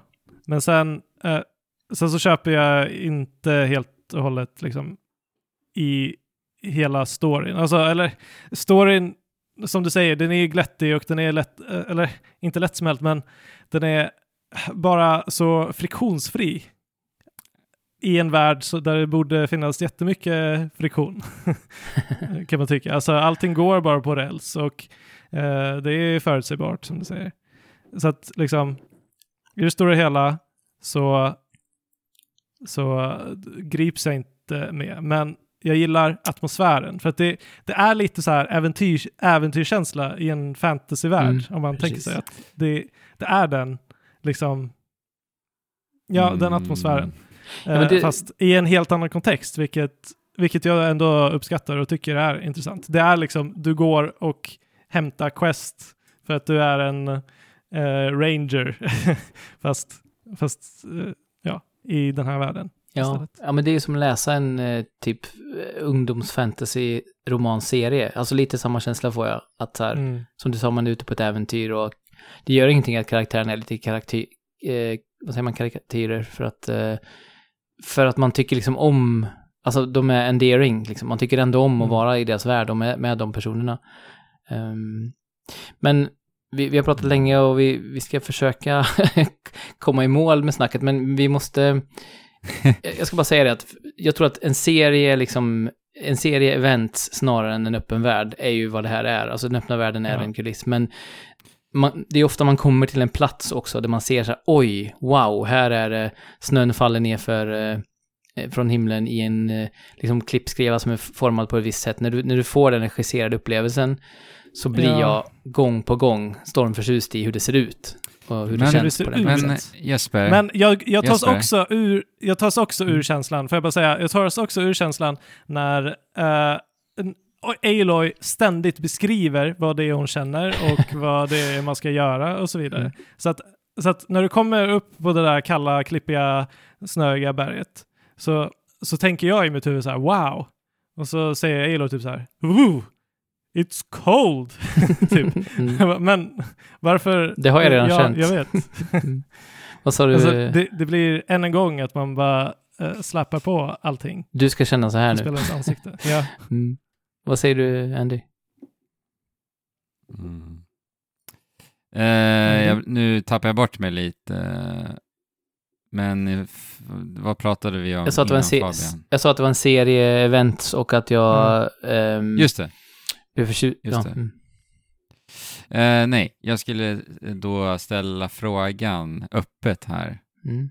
Ehm, jag minns att jag nämnde det, eller om det var eh, Fabian, någon av oss, när vi pratade om Zero Dawn, så, så nämnde vi lite att så här, men hade inte Zero Dawn till och med även då funkat lite mer som ett eh, Tomb Raider, ni vet Tomb Raider reboot-spelen, som Mm, eh, har en exakt. väldigt Lite mer linjärt. linjär föruts, förutbestämd väg, men samtidigt så tillåts det att liksom öppnas upp i lite segment längs vägen. Och jag, jag minns att jag tänkte liksom när vi pratade om Zero Dawn, ja men det hade nog fasen funkat Ja, men- rätt bra. Men för då får man lite båda skulle- delarna. ja. Jo. Mm. alltså, grej- e- eftersom att de inte använder den öppna världen på något sätt som lyfter upplevelsen och i de värsta fallen sänker upplevelsen så eh, eh, ja. Ja, jag har funderat mycket på det också. Jag har inte riktigt kommit fram. Jag har försökt hitta argument till motsatsen varför det inte skulle funka, men jag har inte riktigt gjort det. För att till exempel den här, här loftwingen, vad heter den, den här svävarmojängen man får tillgång till som är som, Ja. Återigen hämtad från Ja, Breath of the Wild. Eh, den, på, eh, på pappret är den jättecool, den öppnar upp mycket grejer, men det är ju, Mm. jag, de 30 timmar jag spelat hittills i alla fall, väldigt få tillfällen där jag känner så här, den ger mig unika Ja, möjligheter, utan ofta är det så här, ja, jag måste använda den Ja. nu för att ta mig från en klippskriva till en annan i storyn. Eh, någon gång har jag svävat ner från en, en berg, ett berg liksom och bara, ja, nu hade jag användning för den, men det är väldigt sällan på, ta, på tal om det här vi pratar om. Alltså för mig blir det bara att hoppa ner för klippor. Det gör jag ganska ofta. Man använder den, men det är bara för att dämpa fallet liksom. Mm. och kanske ta sig lite längre. Men, eh, Men, ja. Nej, men det, det skulle vara intressant att se. att, se- men jag menar, det kommer ju inte ske för att den här typen Nej. av spel Nej. säljer multum för, för att folk Nej, älskar att göra checklistor. Och jag måste säga att under rätt premisser så älskar jag också att göra checklistor. Eh, och, och det gör i det här spelet att så här, hitta den här delen, den här maskindelen, göra det här vapnet, uppgradera den här grejen. Jag fastnar i det på ett så här, ja, jag tillåter mig själv att lura hjärnan och ge tomma kalorier liksom. För det är det det är. ja. Eh, Men jag... Jag liksom, Ja, alltså om man, om man kan njuta av det så är det här ett toppenspel. Men jag vill också bara befästa att liksom eh, jag tycker att Det finns Horizon en är, balans ett, är ett bra spel. Vad sa du? Ah, mitt internet är superfördröjning, Jaha. märker jag. Ja, Så fortsätt. nej men eh, jag sa, eh, jag tycker att i stort så är Horizon Forbidden West ett, eh, för, för det första väldigt snyggt spel.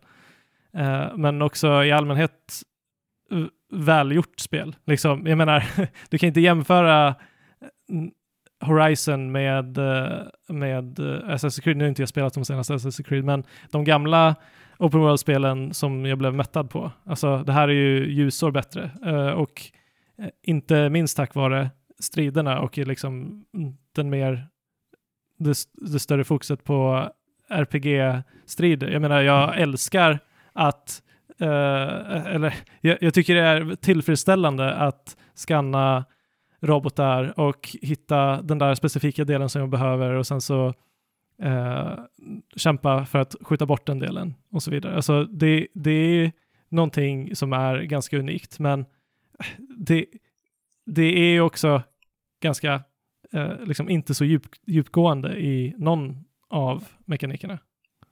Ja, men, eh, men, ja, jag gillar men, spelet. Men jag, jag, tror, I. Jag, jag, tror att det går igenom med allting, det du säger nu. Att jag Ja. tycker också att så här, det finns en tyngd i striderna, det finns en känsla när det kommer en stor dinosaurierobot rusande mot dig, kastar sig. Eh, och den liknar Monster Hunter på det sättet att så här, du känner samma typ av lite så här respekt inför det du möter eh, och den här liksom rent fysiska känslan i världen. Nu kommer den dundrar in, det skakar i marken, det, det sk- skvätter upp damm. Eh, men där, du, vi har pratat om att så här, du dodgar och där Monster Hunter vet att det är exakt Ja. rätt frames som du Precis. kommer kunna dodga och du vet exakt. Men, men här är det inte den precisionen utan det är lite, lite, lite ja precis, lite så här eh, svajigt, man vet inte riktigt. Och, och samma sak, Inkonsekvent. ja precis, precis så. Och samma sak i själva liksom stridsmomentet att jag håller med dig om att det är härligt att göra det här och det håller liksom många timmar, men det, det, det är ändå så att det är strider som är gjorda för en bred publik. Det är inte Monster Hunter-strider som är gjorda för en nischad publik. Ehm, och istället så har man jobbat på bredden och spelet är ju liksom lite för stort på alla vis. Alltså det finns Ja, lite för mycket saker precis. att göra. Det finns lite för många uppgraderingsträd, det finns lite för många vapen, det finns lite för många, alltså det, det är liksom, det känns onödigt eh, Ja. brett. Hade man knuffat ihop För- det istället så hade man fått ännu mer kvalitet förmodligen. Ja, precis. Precis. Ja, men det, det är brett för den, eh, eh, den, vad heter det, grunda, de grunda sakerna som de försöker göra. Mm. Mm.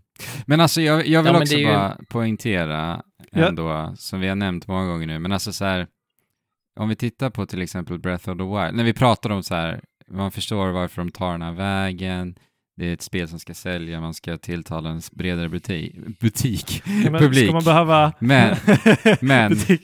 ska man behöva rättfärdiga det så liksom? Nej, men då vill jag bara så här poängtera att kolla på Breath of the Wild, det är nästan 30 miljoner sålda exemplar och de gör ju liksom Mm. antitesen i sin design.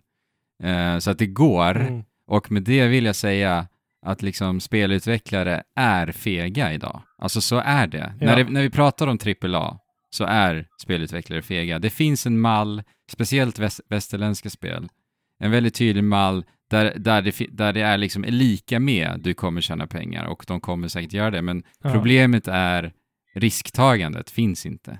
Alltså det gör inte det. Nej. Men nu har vi ändå fått bevis på att det faktiskt, den typen av designfilosofi är extremt kraftfull. Eh, Spelare tycker om den och det funkar. Eh, Det kan vara lukrativt också.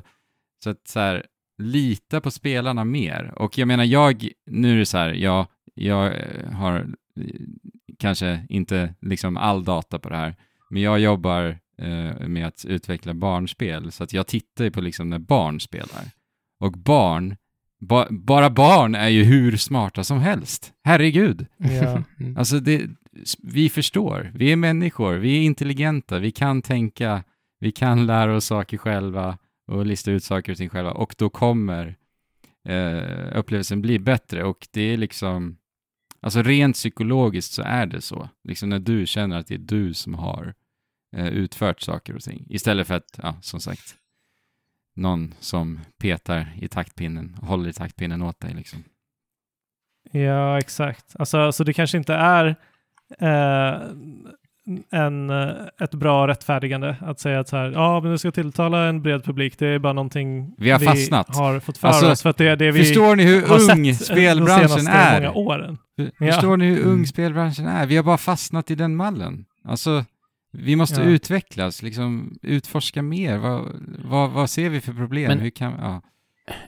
Ja, och det var väl det som vi hoppades, men med ganska, alltså så här, vi visste väl kanske att det inte skulle bli så, utan det var mer en fåfäng förhoppning, men, men att, att uh, Forbidden West skulle Ja, vara, alltså det vill säga precis. det skulle vara liksom eh, utfor mer fritt utforskande och bättre hur du interagerar med världen, hur du klättrar, hur du rör dig.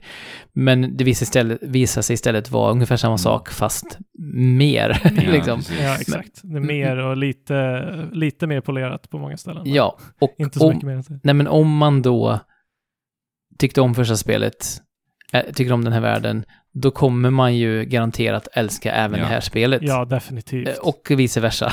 Tyckte man inte om det förra spelet så kommer man kanske inte bli frälst av det här. Men det jag måste bara trycka på igen är ju just att så här, eh, jag har aldrig i något open world-spel sett så många sidouppdrag som känns Nej, det är en som bra poäng. huvudcontent. Jäklar, ja. Mm. Riktigt Eh, bra har de gjort Ja. Och där Eila ju också kommenterar på, där konstaterar vi att så här, om man har gjort ett sidouppdrag och så kommer man förbi det stället i huvuduppdraget eller ett annat ja, sidouppdrag så senare, refererar de. så vävs Det in. sjukt. Ja, precis. Så Häftigt faktiskt. Ja, och det vävs in som att, det, som att dialogen alltid har sett ut så, men man Precis. förstår att nej, det här är modulärt. Här har de slängt in olika moduler. Mycket Ja, snyggt. Men det hörs inte för fem öre. Mm. Så att, Ja, och dessutom, dessutom så är eh, i alla fall de sidouppdragen jag har gjort varit eh, väl utarbetade. Liksom. De, Mm. de har känts relevant, de har inte känts som sidouppdrag riktigt, utan de har känts eh, dels eh, tack vare eh, det du berättar om nu, men också ehm, för att de, det känns som att de har liksom en plats i världen som du befinner dig i. Och de har lagt lite omsorg på att, på att designa dem. mm. Verkligen. Eh, och det ska de ha kudos för.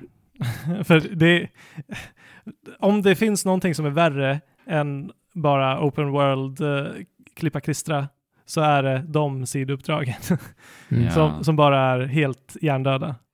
Ja, för här känns det som, på samma sätt som jag kände när jag spelade, eh, vad heter det, eh, DLC till Mass Effect, eh, Leviathan, som också kändes som en klockren del av huvudserien. Jag, jag tänker inte ens på det som ett DLC. På samma sätt, nästan, ja, en majoritet av sidouppdragen är som att, ja, det är bara, eh, även om jag håller med om det du sa förut, ändå att så här, då leds man iväg på någonting annat.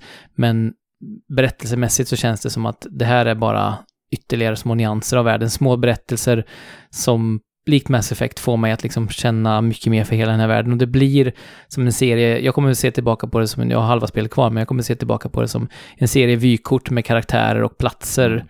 som jag fick uppleva. Eh, och jag håller med om att jag skulle önska att hade man merchat Horizon och eh, till exempel Breath of the Wild så hade ju spelet blivit alltså tveklöst bättre om man hade designat det så. Mm. Eh, men ja, jag vet inte. Det, det är så mycket jag njuter av så att jag, Ja. Ja. jag får Nej, med men mig ändå. alltså, Men alltså det är ju så mycket ja, det är så i det mycket. här spelet. Det är, en, ja, det är så mycket i det här spelet. Man blir helt Och svimfärdig. du, du kan ju du kan ju lite välja så här, om, om du tycker om att göra eh, Hunter Challenges eh, så kan du göra dem. Men om du inte gillar det så kan du helt ignorera dem. Om du Precis. gillar att göra eh, de här lite mer plattforms-dungeonsarna, cauldrons, Precis. eh, heter de väl, Ja. så kan du göra men det är helt... Ja, men jag, dig. jag Ja, jag- hittar ju som sagt, jag berättade inledningsvis, jag hittade ett sätt eh, att ändå njuta av spelet och tycka eh, att min upplevelse var bra. Och det var ju eh, ös på med main quests, men så fort jag var underlevlad, för alla main quests har ju en level kopplad till sig. Mm. Och när jag var underlevlad så gick jag och gjorde lite sidotjafs upp till den rekommenderade leveln. För då fick jag lite båda delarna och då eh, hade jag också markerat en, enbart de sidouppdragen eh, som jag fann intressanta på kartan, för det kan man, man kan skräddarsy kartan själv lite då. Eh, så då hade Mm. jag bara det jag eh, fann njutbart. och som sagt, det vart, vart ändå Ja. en ganska trevlig upplevelse i slutet där. Ja. Ja, alltså jag körde så att så här, om jag kände, om jag såg ett sidequest och jag kände lite så här, eh, det känns jobbigt, så gjorde dem aldrig. Mm. Eh, bara när jag kände mig så här motiverad och det kändes Mm. eh, typ logiskt att göra det. Eh, så, så gjorde jag sidogrejer. Men ehm, Ja, det var något, nej men vi snackade om att, eller du säger kanske göra det lite mer som Breath of the Wild och så. Eh, jag tror snarare att de borde fokusera på att utveckla sin grundmekanik och liksom bygga spelet kring den mekaniken som de kom fram till, vilket är pilbågsskjutande eh, och monsterjagande. Om de bara skulle fokusera på att, att göra saker som mm, liksom blir som en naturlig förlängning av det snarare än att följa det här receptet så, så tror jag att de, de skulle kunna träffa rätt. Nu kommer inte det hända, men kan ju drömma. Mm. Ja, eh, vi, det finns väldigt mycket i spelet och vi har pratat mycket längre än vad vi kanske hade tänkt oss. Jag, jag, ska, jag ska, vi ska avrunda, men jag vill bara säga det. Du vi pratade om, eh, Andrew, hur man eh, kan skapa sin egen karta, eh, eller sin upplevelse av karta och så. Och det finns ju väldigt stora möjligheter att eh, skräddarsy sin eh, upplevelse av spelet överlag, för det finns väldigt mycket eh, tillgänglighetsval man kan göra eh, på väldigt detaljerad nivå och också hur man vill att eh, spelet ska vara Um, till exempel i strider, så jag har ju ställt in att Aloy har vanlig hälsa. Hon har hälsa som om det vore en normal genomspelning. Men monstren, eller liksom robotarna, är på hard, det vill säga de har mer hälsa. Eh, okay. Så, så, att min, och då, det, det gör ju då att det krävs att jag spelar taktiskt och liksom korrekt. Jag kan inte bara mörsa på liksom, för att då kommer det inte gå, utan jag, jag tvingas. Men jag blir inte så hårt straffad om jag blir träffad. Så, och man kan ju mixtra med det här precis hur mycket man vill. Så att jag tycker mm. att där har de verkligen gjort ja. ett bra jobb både med tillgängligheten och eh, att man kan skräddarsy den typen av upplevelser man vill ha inom ramen för det de mm. erbjuder. Ja, det låter nice. Jag upplever att striderna blev ganska mycket så här Pokémon, Pokémonifierade i slutändan. Att du bara använder dem som de elementen oh, ja.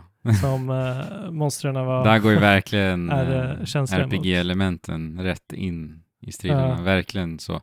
Och jag tyckte ändå, alltså striderna är ju självfallet liksom den eh, starkast eh, lysande stjärnan här i det här spelet tycker jag ändå eh, överlag. Och jag gillar ändå så här, jag förstår vad folk menar när de säger Monster Hunter, mer och mer faktiskt. Eh, men, ja. men dels liksom att skanna av eh, monstren, då, då in, initieras lite en så förberedelseprocess nästan, att du som sagt, du tittar svagheter och vilka element du behöver utnyttja och sådär. Eh, sen så går du kanske in i din inventory och väljer rätt ammunition, för det är så mycket ammunition, alltså man blir, blir helt galen alltså, på tal om mycket. Ja, det är för ja. mycket. För mycket. Men det tycker jag ändå var lite mysigt. Uh, och sen... Och väljer traps. Precis, och, och liksom förbereda lite på det sättet. Kanske skanna av miljöerna lite, för det finns ju lite så här uh, fällor i miljöerna nu också ju. Det fanns väl inte i ettan ja. tror jag. Uh, Jo, lite grann fanns det hazards. Men, och du kan ju också gå till en eh, flummig kock, det finns ju flera olika kockar i spelet, men ja. och få, få, få lite mat. Som det utnyttjade jag faktiskt så det känns... ibland. Det gjorde jag. Ja. De var ganska effektiva. Men ja, och sen liksom robotarna i sig, de är ju också så här oberäkneliga på samma sätt som Monster Hunter Monster. Med det menar jag att de är mm. väldigt dynamiska, ja. så att det är nästan så att monstren håller i taktpinnen här då, eh, för striden. Ja. Så, så får du bara så här, mm. okej, okay, reagera, reagera, ja exakt, mm. reagera på monstret. Det får dem att känna sig levande som sagt och sådär. Och animationerna är ju och de är... alltså, galna. Ja. Riktigt bra. Det är inte robotar längre, det är, det är djur typ. Ja, nej. det är ju precis levande ting. Och också tyngden de har, alltså att de är byggda av liksom 10 ton metall, det känns ju när de mm. kommer mm Verkligen. Liksom, och det finns ju, och det märks ju också att de har tittat på monstranter, för det finns ju eh, liksom en, en som rullar ihop sig till en boll och försöker eh, liksom ramma dig, och det finns ja. eh, ormar, och det har verkligen blivit så här, oj, det här känner jag nästan igen ifrån, från Rise, ja, rakt av, vissa av monstren. Sen är det ju, ja. alltså det är ändå snyggt hur de också har vävt in, här har de ju ändå så här, eh, tittat på pilbågsskyttet, just att man blir så belönad av precision just med att mm. eh, sikta in på maskindelar och sånt där. Eh, som också går in i att eh, uppgradera vapen och så. så att, ja. Mm. Just det. Och det är ju extremt uh, tillfredsställande att skjuta loss delar, precis som det är i Monster ja. också, att när saker flyger ja. av Och att man kan använda dem, vissa vapen och sånt också. Det är coolt. Mm. Precis. Uh, och uh, det, nej, du, jo, just det. Men alla använder gyro har använt Ja, till slut. Men det, jag, gjorde, jag började med det, jag blev frustrerad och irriterad på det, eh, stängde av det, sen bara, fast det är någonting som känns fel ändå, så sen slog jag på det igen. Ja, men jag fick aldrig till det så att det kändes riktigt. Nej. uh, intuitivt Nej. riktigt. Uh, men ändå ett, uh, jag har ändå nyttjat det och det har varit ett välkommet tillskott. Mm. Uh, utan Hoppas tvekan. på att se mer av det i framtiden. Ja. DualSense-funktionaliteten tyckte jag, tycker jag har varit uh, nice. lite- Alltså. Ja, jag tycker det är lite beige. Jag tycker de har, att de har eh, varit oambitiösa. Jag hade, inte, jag hade låga förväntningar på vad de sk- mm. skulle göra, Ja, men hade höga förhoppningar. Jag tror där jag Ja. registrerade användandet av det som allra mest i hela spelet, det är när man ska bryta upp dörrar. Mm. Ja. Annars så typ registrerade jag inte riktigt. Faktiskt. Men Vadå, när du skjuter pil? Varje gång du nej, skjuter ingenting pil, som jag liksom aktivt registrerar faktiskt. Nej. Men eh, en, Nej, en, en, stor var diskussion nice. som, som jag har glömt bort nu och som vi inte pallar ta nu, men som jag vet inte, jag måste få utlopp för den någonstans, det är ju hur, ehm, hur kulturen och religionen present, presenteras i det spelet, för jag har så motstridiga tankar där, där Aloy är en vit karaktär som räddar eh, Mm. faktiskt väldigt många svarta karaktärer, vilket är, alltså representationen är helt fantastisk. Och jag vet inte om ni har tänkt på det, men jag skulle säga att 75% av alla viktiga karaktärer Oh ja, kvinnor ja, eh, också. Ja. Eh, vilket är grymt liksom, och de designar dem på väldigt coola sätt. Och de, de behandlar kön på ett väldigt bra Mm. sätt i spelet. Kommenterar också ofta på att så här, ja men det finns misogyni i den här världen också och så vidare. Eh, men sen så, och så har jag hört många eh, svarta personer som spelar spel som tycker om hur huden på karaktärerna som har, har annan hud än vit är porträtterad. För det, är ofta i spel så misslyckas man med det och gör huden, eh, alltså att den känns inte som att det är afrohud liksom. Ah, eller så. okej. Nej. Mm. Ja, Eh. Men här har man lyckats väldigt väl med det enligt flera röster som jag har hört Mm. som uttalar sig om det, som är svarta själva, eller har annan hudfärg än vit. Men sen är det också det här som sagt, det är en liksom vit kvinna som går runt och hjälper stammar med så här problem och också kommenterar på att deras religion som i många fall är liksom, den är ju missuppfattningar, alltså den, man märker ju att det är personer som inte är religiösa som har skrivit det här manuset för att de, de skriver väldigt mycket om att så här, ja, de har missuppfattat att den här maskinfunktionen, de tror att det är en gudomlig grej, det är egentligen bara en Ja. reparations eh, eh, en meka, eh, liksom reparationsloop den har inbyggd i sin AI liksom Ja. eh, eller i sin, i sitt, i sin, sin elektronik. Och det är kul och det funkar bra. Och Alo är också väldigt respektfull när hon möter människor i deras stund. Att säga, jag ska plantera de här fröna för att din, Mm. din, eh, eh, din syster har dött och du vill att eh, hon ska leva vidare genom den här plantan. Ja, jag planterar de här, det, det är viktigt för dig, jag respekterar det.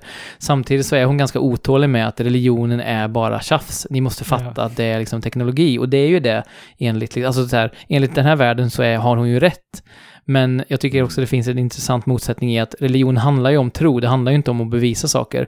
Så därför Just det blir det. det lite skevt när hon är så här, ah, vad dumma ni är, så går runt och tror på massa saker. Sen har hon inte riktigt den tonen heller, men jag upplever att spelet, liksom, då, eh, alltså de som har skrivit spelet har lite den åsikten, sipprar in lite här och var, att så här, de är lite Ja. dumma de som har, har liksom religiös tro. Och jag, jag tycker det är Kanske lite... det. Jag vet inte, jag tycker de kunde utforska den dynamiken lite mer, lite mer intressant, lite, inte så svartvitt, men Ja, absolut. Men jag tycker kanske att det är, det är på samma nivå som, som writingen i Ja. allmänhet där. Ja. Det är lite dum. precis. Eh, liksom. Så att, eh, Men det, det, ja, jag skulle kunna ha en timmes diskussion om, om hur de hanterar det, men vi ska inte göra det. Vi ska inte ha det. Men eh, Mm. jag vill bara avsluta angående striderna. De är, de är väldigt bra. Ja. Men sen så inser jag också efter 30, 31 timmar med spelet att det är också så här, det är ju långdistansstrider. Du skjuter ju väldigt mycket liksom. Jag tycker om Ja. eh, liksom fokuset de har, vägen de har tagit med den typen av strider och fokuset med det. Men jag inser också att det blir lite repetitivt faktiskt. Att det handlar, det blir liksom samma, samma situationer hela tiden. Att så här, jag väjer en attack, jag skjuter pil på, på avstånd liksom. Det blir bara konstant hela tiden. Och jag inser också så här, Ja. Ehm, I Monster Hunter så är ju långdistansvapnen de minst intressanta. Och ja, det är den vi får i Horizon. Och de har inga så här mekaniker som critical distance och lite sådana där saker som faktiskt gör långdistansstrider eh, lite mer intressant. Nej, precis. Men ja, Lite mer robusta. Men ja, alltså i det går ju i att Eh, jag hittade aldrig liksom ett bra förhållande till melee-strider Nej, jag vill inte ens prata Eh, om dem. De, de känns... nej. Så att, men om, om de hade kunnat ha ett bra avvägande däremellan Mm. så hade det kunnat bli en bra puls Jo. liksom. Mm. Eh, men, men de åstadkommer inte riktigt det. Jag körde nästan övervägande så- melee i, i originalspelet. Alltså jag spelade mycket, jag spelade mer melee skulle jag säga än båge i det spelet. Okej. Och, och man kan ju späcka väldigt hårt i den riktningen och, och liksom göra det bättre, även om jag håller med om att eh, ja, det finns mycket man kan säga om, om melee-striden här som är också återigen fladdriga. Mm. Men jag tycker ändå att om man köttar i det trädet så kan man få, man kan ju låsa upp kombos och man kan Ja. göra så här resonator hits som gör att man kan skjuta med pilen efter man har slagit och lagt en liten, eh, Mm, vad ska man kalla det, måltavla på fienden så Ja. kan man, ja precis. Mm. Det finns en del sånt man kan göra, så att jag, jag tycker precis. ändå att det finns en viable väg om man vill spela melee, som jag ändå gjorde i första spelet. Men eh, mm, det beror nog också på... Ja, jag, jag tycker det bara känns eh, inkonsekvent. Eh, alltså, det, det har inte det här exakta som Monster Hunter Nej, har. Liksom. Det har det inte. Nej, det Det är magnetstriden. Mm. Jag måste bara, innan vi lämnar där, så måste jag nämna skanningen. Mm. Eh, en, en konsekvens en konsekvens av att allting är så detaljerat är att man inte kan eh, man kan inte urskilja någonting i den här världen. Så att liksom, hur många gånger har jag tryckt på scanning-knappen genom det här spelet? Mm. Säkert en gång i minuten. Ja. Minst, om Mm. inte mer. Eh, och det är ingen kul, det är inte kul. På tal om... Det är eh, inte kul att stå på en plats och trycka på en knapp för att Mm. kunna se vad saker och ting är och sen så springer du till en På sak. tal om mycket också. Eh, och det här går också lite in i open world design faktiskt. För att det här är också ett exempel. Jag vet att när vi pratade om Ratchet Clank förra året så hade vi en liten minidiskussion om eh, liksom detaljrika spel. Att det kan vara eh, en, eh, ett Ja, hinder. Ja, precis. Ja. Mm. för liksom spelbarhet och att läsa av spelregler och så vidare. Ehm, och jag tycker, jag tycker att uh, Forbidden West faktiskt är ett litet offer för det. Precis av samma anledning. Fabian. Precis. Det är lite för mycket. Ja, det är lite säga. för mycket. Man blir lite trött Alltså- faktiskt av att titta på spelet ibland. För det är så mycket intryck överallt. Ja, det, det är Breath of the Wild och Elden Ring. eh, en, en grej som de gör så bra är ju att saker och ting är avskalat. Så att Mm. saker och ting som är viktiga, de, de sticker ut. ut, i Ja. världen. Mm. Precis. Exakt. Men eh, ja, vi skulle ju kunna säkert fortsätta en timme och prata om uh, Horizon. Men ska vi, ska vi knyta ihop den här säcken Ja, för den här gången? det, det gör vi. Horizon-säcken knyts ihop med... Eh, ja, men vi visste att det skulle bli så här. Vi, vi har pratat om det i flera veckor nu, att så här, det Ja. kommer bli spretigt, det kommer bli olika åsikter, det kommer olika ingångar. Och det är ju...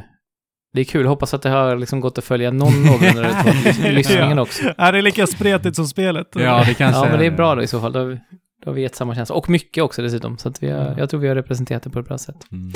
Ehm, så, eh, vi vänder på steken. Den sloppy steak. Du slår bestick. Har ni inte sett Tim Robinsons eh, I think you should leave så gör det omgående. på Nu. sloppy steaks.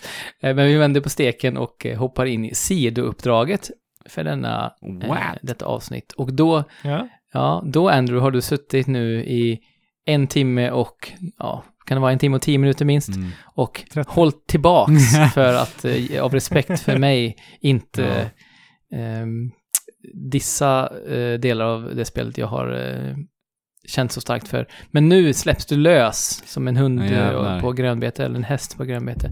Det blir Eh, överväldigande nu. ska vi- Ah, nu när jag är Ja. lös här. Det är som att liksom öppna, Ja. starta ett open world-spel och titta på kartan för första gången med 10 000 ikoner. Lite så.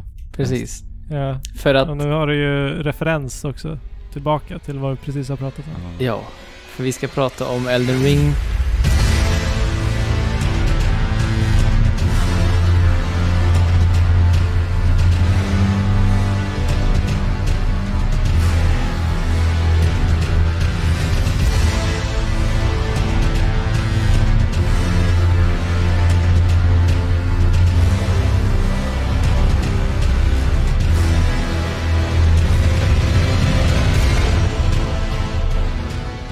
Och eh, både Fabian och Andrew har spelat det. Jag, Ja, börjat det. ja, ja, ja, ja precis, ja, ja, ingen av er är klar, men ni, ni har spelat det i, något, ett antal timmar var och jag har inte startat spelet än, därför att jag vill dels bli klar med Horizon, liksom det här vi gör nu, att prata klart om det och sen börja det. Och sen måste jag också arbeta upp eh, liksom, modet eftersom att jag har så svårt för From-spel i den aspekten att det är förtryckande Ja. och jag pallar inte rent psykologiskt. Vi är här för dig. Ja, och nu har jag liksom börjat, jag tittade på en stream när jag satt åt idag när Tobbe från Svampriket Mm. spelade. Lite grann. Jag börjar liksom incha mig närmare och jag har ju lovat dig Fabian att vi ska spela i helgen så att snart är jag där. Eh, men Elden Ring, ett spel jag Oh, sett fram emot i Alltså, fyra år är här. Eh, och eh, eh, det här kommer inte bli den stora Elden Ring-diskussionen. Det part- det kommer komma i nästa avsnitt. Part men vi- one. Mm, part Mm. one, precis. Men eh, hur mycket har ni spelat? Hur många timmar har ni spelat hittills? eh, 20, kanske? 20, 30? Mm. Mm. Där någonstans. Ja, jag har spelat närmare 50 på mindre än en Mm. vecka. Det är lätt hänt. Klämt in en arbetsvecka plus liksom lite till Ja. på en vanlig vecka. Nej men, eh, ja, det, Ja. Det, min eh, tid har varit Elden Ring. Ända sedan det lanserades i fredags. Och så här, jag tycker att det är ganska skönt att vi inte spelade in det här avsnittet typ i söndags. Eller något sådant. Jag minns att vi gjorde det när vi pratade om Breath of the Wild. Och vi kommer säkert nämna Breath of the Wild lite här nu. Eh, när vi pratade om det spelet för fem år sedan, det är fem år sedan idag faktiskt, hörni, som det släpptes. Mm. Oh. Ehm, nej men då minns jag att vi befann oss i en Breath of the Wild-psykos och eh, liksom Ja. Vi svävade bokstavligen på rosa moln, jag, fa jag Fabian och Alex. ja. Och vi kunde inte säga någonting negativt om spelet för att då blev vi personligen påhoppade, lite så kändes det som. ja, Eh, exakt. och jag kände så, exakt så, med Elden Ring också, i helgen. Och det var liksom känslorna jag hade när jag spelade Breath of the Wild, de är här igen. Och det är så underbart. Jag skulle inte säga att den är lika stark som Breath of the Wild, om jag ska så här verkligen direkt jämföra känslan som jag personligen hade. Men den, är, den magin känner jag helt, helt klart. Men nu så här, jag känner mig ändå att jag kan ha lite distans till det eh, nu. Så det är ganska skönt att vi spelar in det nu och inte typ för tre dagar sedan när jag bara så här, alltså jag ville bara sprängas. Jag var tvungen, jag, jag lyckligtvis så jobbar jag ju med spel, va? Och det innebär ju att mina kollegor är alla spelare. Så att jag har ju, Ja, jag har ju kunnat liksom få utlopp för saker också. Eh, så att, ja, tack hörni att vi väntade lite. jag tror att det blir ett bättre liksom ingång till allting också. Men wow, vilket spel. Detta Ja. är ett av de bästa spelen som jag har spelat i hela mitt liv. Och jag har spelat 50 timmar och jag är rätt säker på att jag inte ens är halvvägs. Mhm. Ja, och du vill bara fortsätta det är det enda spela. jag vill göra. Det är det enda jag Ja. vill göra just nu. Nej. Nej, men jag vet, jag, jag vet Andrew. Eh, jag, eh, jag har gått och liksom hållit väldigt mycket inne på, vi har ju haft lite skrivkonversationer lite ja. Eh, här och där. Men jag, jag, jag har inget utlopp för det här och nu eh, när jag äntligen ska få det, det är första gången eh, jag får det på riktigt när man Mm. pratar med någon. Första intryck då Fabian? Eh, eh, alltså det, det känns bara för överväldigande att tänka på vad, vad, man, vad man ska säga. Ehm, nej men, för det första så kan vi ju säga att det är fokuserat Mm. och det, det fokuserar eh, liksom spel, eh, open world open world-spelsättet på ett sätt, alltså det, det är så mycket som gör att allting bara konvergerar till en liksom kritisk massa Mm. som, som blir svår att bara liksom säga någon eh, liten sak om. Men till exempel så har vi inga ikoner, likt Breath of the Wild så sätter vi ut saker och ting själva och du får lite eh, i alla fall så långt jag har kommit än så länge så får, så får man lite vägledning, men ingenting är liksom explicit. Eh, allting är implicit. Vi har From Software mäster, mästerligt liksom berättande i atmosfär och i eh, omgivningar och du vet bara när man, nej men alltså, alltså nu, jag pladdrar bara på. men, men eh, typ när du träffar en karaktär som är så mystisk, eh, är unik, du liksom, bara det är en upplevelse i sig. Där om vi drar parallell till, eh, till eh, Horizon, där det babblas på utav bara den och, och man känner sig eh, manad att skippa många, många lines bara för att man vill komma Mm. vidare och det bara liksom maler på. Så varje ord har tyngd. Som, va, varje ord som någon karaktär i det här spelet som du stöter på har tyngd. Mm. Och, och jag känner liksom en anticipation var, varje gång no, någonting händer. Om du träffar en karaktär eller när du ser någonting där borta i, i, i horisonten och, och så vidare. Eh, alltså, det är bara... Jag, jag har inte ens klarat första området. Jag har spelat 20 timmar och har gått omkring och bara varit på världens Mm. äventyr. Alltså, det har varit ett äventyr. Det här, eh, det här är ett, ett drömspel. Det, det är så här jag har velat ha ett spel i fantasy setting, liksom som, eller det, det, är så nära, det är så nära jag har kommit Mm. eh, någonsin åtminstone. Ja. Nej men det är... Alltså, det, eh, jag vet inte, det, det är magi. Och hur, is- istället för att de har bandit camps så har de gömda grottor liksom Mm. där du går in i. Och det, det är kanske inte det bästa i spelet, men det är någonting du utforskar, du får någonting unikt, du får, ja, Ja, resan i sig blir unik också för att exakt. den är också varierad. Så att säga. Ja, vi har ju skrivit på Discord, eh, bra poäng, och eh, jag har ju sett att, att andra folk har skrivit om saker som jag inte har Ja. kommit över, som, Men som folk liksom var det första Ja, men de det är ju här, över. alltså det är ju så här. Det som det här spelet gör, som också Breath of the Wild gör, när vi tittar på vad är syftet med den öppna världen. Syftet med den Exakt. öppna världen i de här två spelen, det är att, att eh, låta spelaren gå på ett äventyr. Ja. Och det är där liksom designbeslut grundar sig. Det är inte i att vi ska ha en explicit berättelse. Det är liksom egentligen Nej. den jättestora skillnaden. Och vad det gör är att det är du som spelare, det är ditt äventyr, det är du som leds genom din nyfikenhet.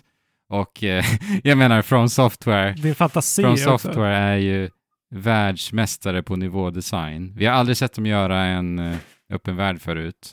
Men jäklar vad den här världen Ja. är inbjudande. Alltså, Alltså det, det är så... Det är inbjudande på ett sätt som From Software är så mästare på. Just i att den, den är så mystisk, den är så världsfrämmande och det gör att de kan leka så mycket med dessa landmärken som, som, som just drar din uppmärksamhet och din nyfikenhet. Så det är liksom... Ja, Men och det är inte bara det är inte bara landmärken utan alltså helt plötsligt så går du igenom en, eh, en skog och sen så hör du någon Exakt, röst som bara viskar ja. någonstans. Liksom. Och, det, det- det, ger mig bara pirr i magen att Ja. tänka på det. Eh, alltså, så, mycket, så mycket av den äventyrsaspekten saknade jag i Breath of the Wild och hade velat ha Ja, mer i. efter de som 30 liksom första timmarna ska jag säga. Men, men eh, Exakt. Och så här, det är väl lite det också som är en så enorm skillnad. För om man tittar på andra open world-spel och vad Elden Ring gör så otroligt ofantligt bra. Det är också att i andra open world-spel eh, så är det så otroligt enkelt för dig som spelare, speciellt oss som är spelare som har spelat spel i hela våra liv, att vi kan så snabbt identifiera spelets liksom universella regler, vi Mönster. kan se ett Ja. mönster för liksom, och det gör att du, förvä- du vet redan, spelet har redan uppmärksammat det, du vet redan Exakt. vad upplevelsen är. Eh, men i, i eh, Elden Ring så är det så att du vet inte. Du har ingen aning om vad som Nej. väntar. Sen, du kan se ett mönster. Det ska jag vara faktiskt ärlig med att säga. Det här hade jag nog inte sagt om vi hade spelat, i, spelat in i söndags. Eh, för att det här mönstret kommer du att se till slut. Men för det första, för det första, det tar så otroligt mycket längre tid än insert valfritt open, AAA open world-spel där ute. Och för det andra så använder de också att du har lärt dig de här reglerna för att ge dig andra överraskningar. Och det är så genialiskt. så att när du de tror, när du lager, tror alltså. att du har sett det, så bara, nej du, du har inte sett det. Nej men sluta! Och det är så, så välgjort och så smart. Och de, det är så här, alla design, alltså visionen är så stark. Det är ju det. De vet exakt vad det här spelet är och det är så imponerande Mm. när vi pratar om hur stort det här spelet är. Att de kan ha, bibehålla den här visionen med den här densiteten. Alltså Ah. jag kan inte förstå det. Jag kan inte fatta hur de, har, hur de har utvecklat det här spelet. Alltså det är lite den känslan jag har nu. För att som sagt, 50 timmar. Till skillnad från till och med Breath of the Wild så blir jag fortfarande överraskad. Jag, som Ja. sagt, Breath of the Wild tappade ju lite på den fronten efter ett tag. Men det har andra behållningar, så vi ska inte hålla på och jämföra för mycket eh, med de två. Nej. Eh, De är väldigt olika spel ska vi kanske Oh ja. säga också. Men det, det är ju det jag hoppas på. För min, min, eh, mitt bidrag till den här diskussionen, just den här, det här avsnittet är ju väldigt litet. men, mm. men jag hoppas att både det här som ni pratar om och det som jag pratade om tidigare, att jag har liksom förberett mig mentalt, ska utmynna i att jag ska kunna få uppleva det här och ta mig an det här. Eh, för att Breath of the Wild var ju perfekt på det sättet att det var, det är så pass eh, liksom snällt Mm, eh, i sin framtoning. exakt, ja. Eh, så det är lätt för mig att göra det, Mm. men här har ju alltid varit så, jag har ju spelat delar av Dark Souls 1, jag har spelat eh, delar av Demon Souls, jag har spelat eh, delar av Sekiro, jag har ju spelat många Mm. From-spel, men det har hela tiden varit en barriär för mig, det här tryckande Ja. psykologiska terrorn och Ja. ehm, jag bara hoppas så innerligt att jag ska kunna ta del av den här utforskarlustan, för att det Ja, men, var ju, det ja. var ju det jag älskade mest av allt i Breath of the Wild och det är det verkligen jag vill åt här, Mm. att bara få liksom upptäcka en otrolig värld med liksom överraskningar runt varje hörn. Eh, Min upplevelse är att det inte alls är lika tryckande på samma sätt som Nej. tidigare från software-spel. Jag håller med. Är för att du har, det är inte samma, eh, samma stakes hela Nej. tiden. Liksom. Och du, du går inte på eh, liksom, den här eh, stigen som du nödvändigtvis måste följa och du framåt. nödvändigtvis måste eh, döda den här bossen. Liksom. Utan om, om du fastnar någonstans så går du någon annanstans. Mm. Liksom. Det, de har verkligen Du håller i eh, taktpinnen. tagit... Ja. ja, ja, exakt. Eh, eh, till skillnad från de tidigare spelen. Och de, har tagit grund, de har tagit mekanikerna från allting de har gjort fram tills nu och sen bara så här, hur, hur gör vi, hur bygger vi ett spel kring utforskande baserat på det vi redan har Mm. gjort? Eh, Och utforskande är i Ja. centrum. Det är, är ingen tvekan, ingen Men- tvekan om den saken. Men vi pratade om Horizon en aning förut och då nämnde vi att eh, eh, hur man tar sig fram i världen är inte riktigt en faktor Mm. i det spelet på samma sätt som i Breath of the Wilds klättrande och så vidare.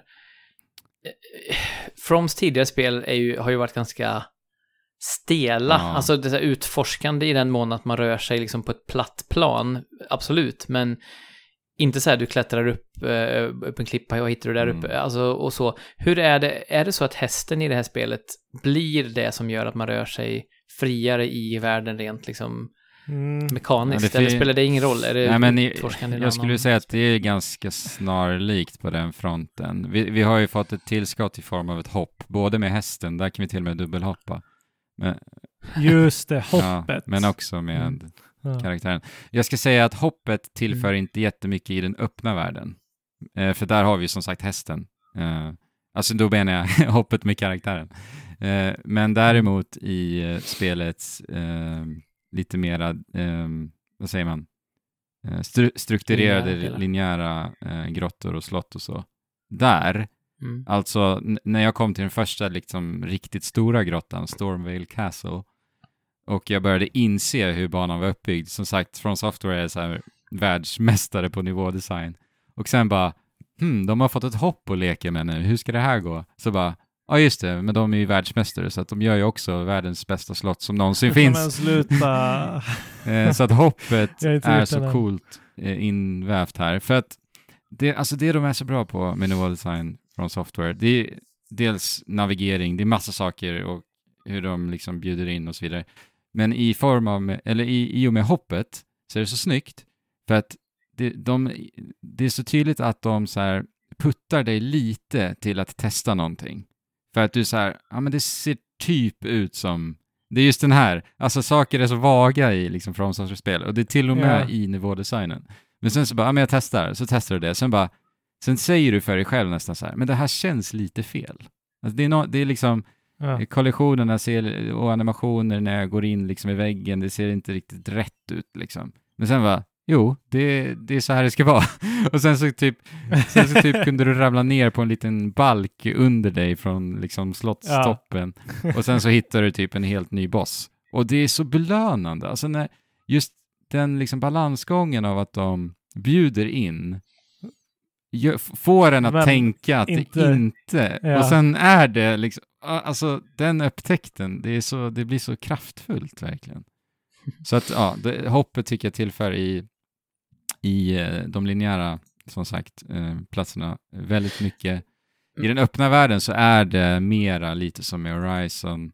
Det är väldigt estetiskt liksom på det sättet att eh, det är ju mycket transportsträckor, men sen som sagt, du får ju välja dina utmaningar för att alla system i Elden Ring är 100% strider. Det är ingenting annat. Och det är väl där jag kan se den absolut största liksom, distinktionen eh, med Breath of the Wild. För där har vi ju liksom paraglider, bergsklättring, survival-aspekten, kemi, Kemisystemet. fysiksystemet, där allting går in i hur du rör dig i världen, hur du utforskar och upptäcker, eh, som är väldigt, väldigt unikt för det spelet, inser jag mer och mer nu också med Elden Ring. Men Ja, Men- men eh, ja, som sagt, det är ju just hur världen bjuder in och får dig att, att eh, gå iväg på det här äventyret och vilja upptäcka. Eh, och det gör att, så här, i och med allt vad vi har sagt med open world-designen och fokusdesignen de har, gör ju också att allting känns personligt för att du, som sagt, du har friheten. Eh, och det gör att allting blir så mycket mer minnesvärt när, sp- när spelet inte säger vad du Ja. ska göra. Ja, du följer inte bara Nej, en ikon. Precis. Utan Men eh, det är dina upptäckter, Jag- liksom. jag- även om det är regisserat utifrån hur de har lagt upp och designat allting. Men för att de inte säger det så känns det, ja, som sagt. jag funderar på, återigen hästen och öppna världen. För var- jag fick bra svar på det då, att, att det att så här, det är inte heller likt. Alltså det är inte, utforskandet är inte på det sättet som i Breath of the Wild, eh, heller i Elden Ring. Men gör hästen också, för jag har ju hört om att man till exempel kan springa på platser, Mm. alltså om man tar skada till fot så gör man inte det på hästen till exempel. Eh, och att också man kan fly från situationer som säger nej jag vill inte Ja. vara här nu, nu Ja, tar jag hästen och drar. Eh, det kanske också, jag försöker, jag försöker liksom hitta alla argument jag kan för att jag ska palla det här och klara och spela spelet. Det känns också som en sån sak, eller att, att hästen ger eh, ännu mer Ja, frihet verkligen. att Oh, ja. välja, Ja. ja. precis, välja att avvika från en situation där man känner att man inte hanterar. Ja. Eh, Definitivt. Sen så i den öppna världen i strider så, så kan det vara en fördel att strida från hästen. Mm, just det. Eh, och alltså, ursäkta. I de flesta spel eh, som man kan rida i, Horizon inte minst, så är ridningen alltid lite så här wonky för att det ska vara eh, ska som en realistiskt på något sätt. Det ska Mm. kännas som att det är någon annan varelse liksom. Men här har du nästan till full kontroll över Ja. exakt. Och, eh, och alltså, min, när jag gick in i det här så mina referenser var de här wonky-striderna. Eh, eh, eller wo- wonky-kontrollen som brukar finnas på mounts, på hästar. Eh, men jag blev så förvånad när så här, "Nej, men det här är strider på hästrygg som känns bra. Mm. Och, och som är lite roliga till och med. Eh, det, det var väldigt förvånande. Det, det är lite så här, eh, som sagt, du kan ju spri, springa bort ifrån fienders attacker väldigt snabbt och väldigt smidigt och lätt. Eh, och samtidigt så eh, kan du så här ladda upp en eh, stark attack så att du så här tajmar den med när du rider förbi en fiende. Och när du tajmar det där fulladdade eh, eh, hårda slaget som, som däckar fienden. Det, det är tillfredsställande. Alltså. Mm. Ja, hästen är kul alltså. Rolig att kontrollera. Ja. Men, eh, den, och den är väldigt, väldigt effektiv, liksom, eh, i allt vad vi sa nu. Eh, och ibland, alltså jag märker ju mer jag spelar spelet så använder jag nog hästen mer och mer. Eller hästen, geten, wha- whatever. Ja. Och eh, ja, som sagt, jag pratade lite om så här, till slut ser man faktiskt det här open world-mönstret lite i Elden Ring också. Jag tror att det är lite i kombination med det, där jag liksom an- börjar använda hästen än, mer och mer och så. För det går ju Mm. också väldigt, väldigt Men- fort. Alltså det är ju liksom en Ja. racingbil typ. Man zoomar bort. Exakt. Eh, nej men eh, jag har typ bara mest använt hästen när jag är i områden som jag redan har utforskat. Mm. Annars så, så här, eller om det är så här ett, ett öppet plan som, Ja. som jag måste ta mig igenom. För att Går det det för är fort så himla annars för att hinna enkelt. missa Det saker är så- om man rider? Det är så himla enkelt att bara tillkalla den här hästen och hoppa på och hoppa av. Exakt. Det är, det är så smidigt som det borde vara. Mm. Det var ju Eh, något det var ju någonting faktiskt som Pokémon, det pratade ni om då när vi pratade om det spelet, men så förvånade vi idag när jag fick re, eller den här, ja, Ja, att det är så Att smidigt. det är ja. enkelt. Gjort det. Alltså. att Ja. den bara dyker upp Men- under en direkt när man trycker på knappen. Liksom. Men det är lite jobbigt när, när man får flera mounts. Ska, Okej. du, Mm. ska du se.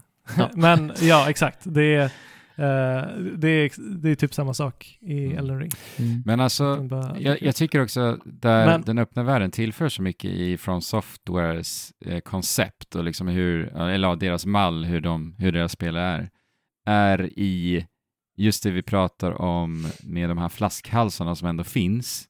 För att det finns ju, när du kommer till liksom en tuff boss, eh, många fastnar ju på Margit, jag tror du, Jesper kommer nu säkert göra samma. Eh, Nej, men jag har Ja. läst, jag har läst eh, hur jag borde spela spelet i början, så jag Okej, kommer att ja. runda den på ett eller annat vis. Jag vet att det finns ett par olika sätt att göra det på. Nej, men det är just, eh, just tempot. Att tempot blir så bra och progressionen blir så tillfredsställande. För att jag, jag får lite samma känsla som liksom, om man tittar på Breath of the Wild återigen, eh, med att det enda uppdraget vi har är att, är att defeat Ganon i mitten i Hyrule Castle Mhm. och allt annat du gör i världen eh, är, är relevant och upp till dig eh, och egentligen bara förbereder inför den eh, Ganon-striden liksom. Ja, och det är exakt. lite samma här, att när du kommer till de här flaskhalsarna så bara, ah, men jag, jag behöver rusta upp lite. Jag sticker iväg och utforskar och gör andra saker. Så tempot blir så, ja som sagt, det Avslappnat. blir, ja men faktiskt, Och, eller, eller inte avslappnat, men uh, kravfritt. Ja. precis. Och det, det är någonting tillfredsställande i den, i den liksom, eh, makten också då, att, eh, att det är jag som bestämmer min upplevelse. Och det går ju också som sagt in i allt vad vi har pratat om med hur man karvar sitt egna äventyr och sånt där eh, också. Men det är väl, eh, det är väl precis de två orden som eh, det står i bak på eh, spelfodralet också. Elden ring är avslappnande och ja, yes, det är slogan.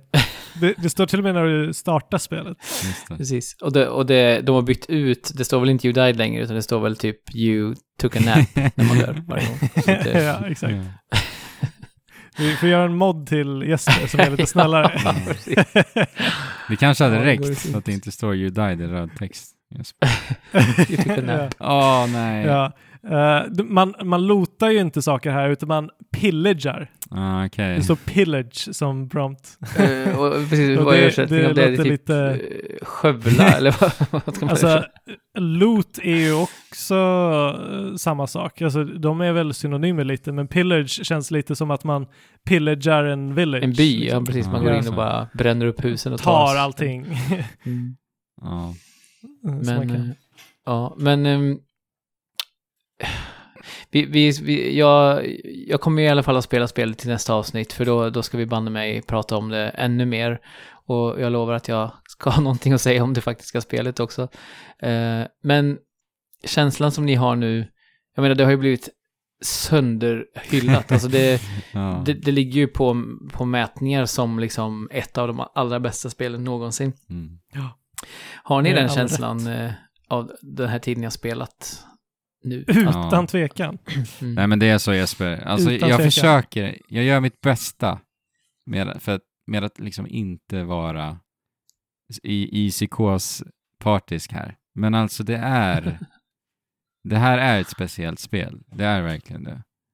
Och vi ser så mycket, alltså från Softwares designfilosofi har ju alltid varit på det sättet att eh, Ja, det, det ligger så mycket i spelaren helt enkelt. Att eh, de litar mycket Mm. på att, eller ma, du ska lösa saker och ting själv, helt enkelt.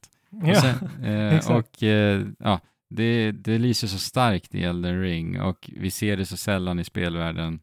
Men alltså, jag tycker lite synd om Jesper som sitter och liksom har ångest för att starta det här spelet. Som också Men är så här, jag har ångest för att starta ett av tidens bästa spel, men jag känner ju Ja. också lite oro för, det är inte, det är inte av samma anledning riktigt, eh, men jag känner ju lite oro för att hamna i det här eh, Outer Wilds Mm.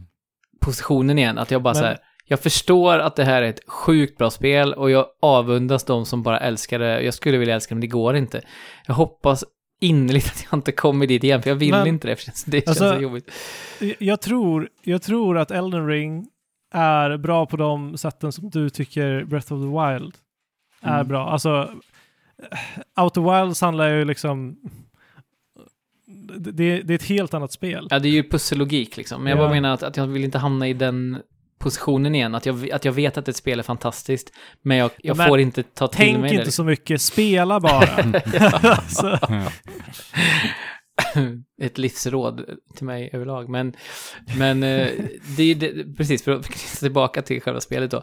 Jag hade ju hoppats eh, också lite mot liksom, against the odds att så här, eh, på NES, på NES-skärmen så här, sta- starta spelet i one player eller tryck på select för att komma till two player och så spelar vi spelet med två. Alltså jag hade hoppats att det skulle vara liksom från början till slut, ett val att bara köra och kanske sömlöst, och det är ju ganska sömlöst, men att de inte har gjort lite mer för att, eh, att, att multiplayer är liksom en upplevelse man kan ha, utan att det blir en eh, Ja, sidospår. fragment- det tycker jag är så fragment, synd, ja. för att jag tror det tar udden av. Men sen såg jag idag på, på vår Discord att, att någon hade beskrivit hur de hade spelat en hel, liksom, ett helt segment av en värld tillsammans och hur det hade känts. Och då kände jag lite att ja, det kanske ändå är det som jag har letat efter. Och det, vi får väl testa det, vi får testköra i...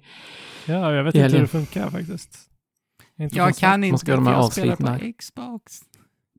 Uh-oh. Och dessutom eh, utan eh, omvärldens eh, Ja. intryck. Men eh, på tal om det så kan jag också bara nämna, det har ju varit jättemycket prat om eh, prestandaproblem, framförallt på PC. Efter patchar va? Alltså den blivit sämre efter... eh, Ja, tydligen så är det absolut bästa sättet att spela Elden Ring just nu är om du laddar ner Playstation 4-versionen och spelar det på en Playstation 5. Alltså, Jo men det, det här är ju bara i linje med... Det här är ju bara en del av deras design. Definitivt. Alltså de, Ja. de vill bara att man ska, Det- kla- det är att man ska klura ja. ut själv hur... Vad är det bästa systemet? Ja, det kraschar när jag spelar på PS5. Ja, men då kanske jag borde spela PS4-versionen då. Man ska liksom Ja. förstå det. Men jag kan bara, men jag har inte stött på några buggar. nej jag alltså. kan bara nämna med, i och med det att så här, jag har inte haft några problem alls. Alltså jag kanske hade en, en, en lite, lite frame drops när jag red vid en sjö en gång. Men det är så här, I don't care. No. Frame dops. Raindrops, Ja. exakt. Nej, jag sa, jag sa frame dops. Ja, Eftersom det, det, var, var, raindrops där också. Den dippar lite. Mm. Ja. Nej men, Men, herregud. ehm, Det är bara att spela. Vilket pang. Eh, Vilket pangspel. alltså, jag vill bara spela Elden Ring nu. En, Mm. ända tills vi spelar in nästa Känslan av skala ska vi som sagt. göra. Alltså, när du rider fram till Stormvale Castle, du ser den här massiva porten, bara äter upp Alltså. skärmen. Och sen så, när du panorerar kameran så men, får du inte ja. plats. Du får inte plats med liksom den här borgen. För att den är så stor. Alltså, From Softwares art Ja, design är så sjuk. ja. Ja, Man svimmar ju. Så fort man ser någonting så är, Ja. är man på väg att svimma. Ja, typ varje gång. Ah, Man måste, man måste, ha en sjuk, man måste hyra in en sjuksköterska som spelar med dig. precis. Det är ännu en del av att det ska vara svårtillgängligt. Men det, vi, eh, vi, ska spara lite på krutet eh, och, och jag vill liksom också Ja. vara med i, i diskussionen på allvar. Men, men eh, tillgäng- ni, ni har övertygat mig, eller ni försöker övertyga mig i alla fall om att det kanske passar mig bättre än de andra tidigare spelet. Ja. Tillgängligheten är ju en annan sak som alltid kommer upp Mm. i, i From, eh, kring From-spel. det. Och här är ju... Det, det råder delade meningar här också. Är det mer tillgängligt eller inte just på grund av öppna världen? Men det är fortfarande liksom... En del har sagt att vissa bossar är typ bland de svårare Ja. som de upplevt i, i världen. Det är liksom fasen svårt. Vad, vad Det är landar ni? fasen svårt det här spelet. Alltså det beror väl på hur man spelar såklart också. Men i min upplevelse, mitt Definitivt. äventyr, så har jag stångats med en hel del bossar alltså. Så att jag vet inte, om, om vi bara tittar på liksom utmaning, och utmaningen kommer ju då såklart ifrån att strida, för det är, det, det är den mekaniken som finns i spelet, att slåss. Liksom. Mm. Så är det ett utmanande spel. Um, men eh, jag skulle komma till en poäng som jag tappade bort nu för att klockan börjar bli mycket i min hjärna. Och möglar. Klockan är halv elva ska ni veta när Ja. vi spelar in det här. Men ja, Eh, ju- just det, nu just kom Men- på. Nej, men eh, lite av naturen med öppna världen som vi har varit inne på, så finns det ändå en poäng i att det är lite mer lätt, lättillgängligt för att du just kan eh, ge dig iväg, förbereda dig, eh, kitta upp så att Mm. säga, inför de här flaskhalsarna Farma. som vi pratar om. Och det, är- det är väl en balansering där. Ja. Att så här, kanske göra saker lite svårare för att du har mer möjlighet att förbereda dig. Och jag, jag, jag tycker ändå Eh, att att det funkar bra. Alltså jag gillar ju att, jag gillar den balansgången i min upplevelse. För att jag har ändå känt att jag kan ha, kan ha valt, alltså jag har friheten att välja mina utmaningar. För att jag tycker ju om utmaningar Ja, också. precis. Det är ju den spelartypen jag är och jag eh, finner njutning i det liksom. Och jag tycker det är väldigt Mm. trevligt att höra att, ja, men nu ställer ju du frågan Jesper, är det verkligen eh, mer tillgängligt då? Men jag, jag skulle tro det. Men ja, svårt att svara på ifrån min upplevelse. Kanske. Eh, Ja. ja. alltså vad, har, du, har du läst vilken speltyp som ska vara lättast i det här spelet? Ingen aning. Eller Alltså, ja, vilken klass? Jesper. Ja. Jesper? Ja, jo men har jag. Jag har ju såklart ett led av rigorösa förberedelser har varit att läsa starter classes. eh, Och det var så här tier lists om du är van, ovan eller helt nybörjare typ ungefär. Så här. Och då är det väl eh, Vagabond eh, som är ett av dem. Eh, och vad heter det, Soldier heter det va? Ja, Eh, och någon det? mer. Ja. Vagabond är ju eh, den eh, klassen där man kan ha tvåhands... Eller alltså dual-wielda va, tror jag. Om jag minns Mm, rätt. Eh, så jag, jag tror att det är Vagabond jag har tänkt mig. För att en, en, ett argument för Vagabond var också att istället för att ha en sköld och ett svärd och kunna liksom använda skölden som krycka hela tiden så är det bättre om du försöker spela med eh, en karaktär som, där du måste lära dig dodga och även, eh, vad heter det, parrya. Det finns ju en ny Mm, mekanik så jag ska också försöka- nu, som, ja. Men vi Ja, kanske ska prata om striderna mera nästa, Nästa gång. Ja, precis. och bossar och allt vad det är. Det är mycket kvar att prata om förstås. Men eh, jag tror att Vagabond är den som eh, jag har liksom läst in mig på hittills. Ja. Nice. Eh, Jag vill vara en melee-klass i alla fall och jag vill försöka pusha mig till att inte bara ha en stor sköld. Jag vet att det kommer gynna mig i längden. Men jag försöker att, att lära mig. Men Fabian, har du Ja. någonting, Mm. liksom kritik att säga om Elden Ring? Alltså, so far.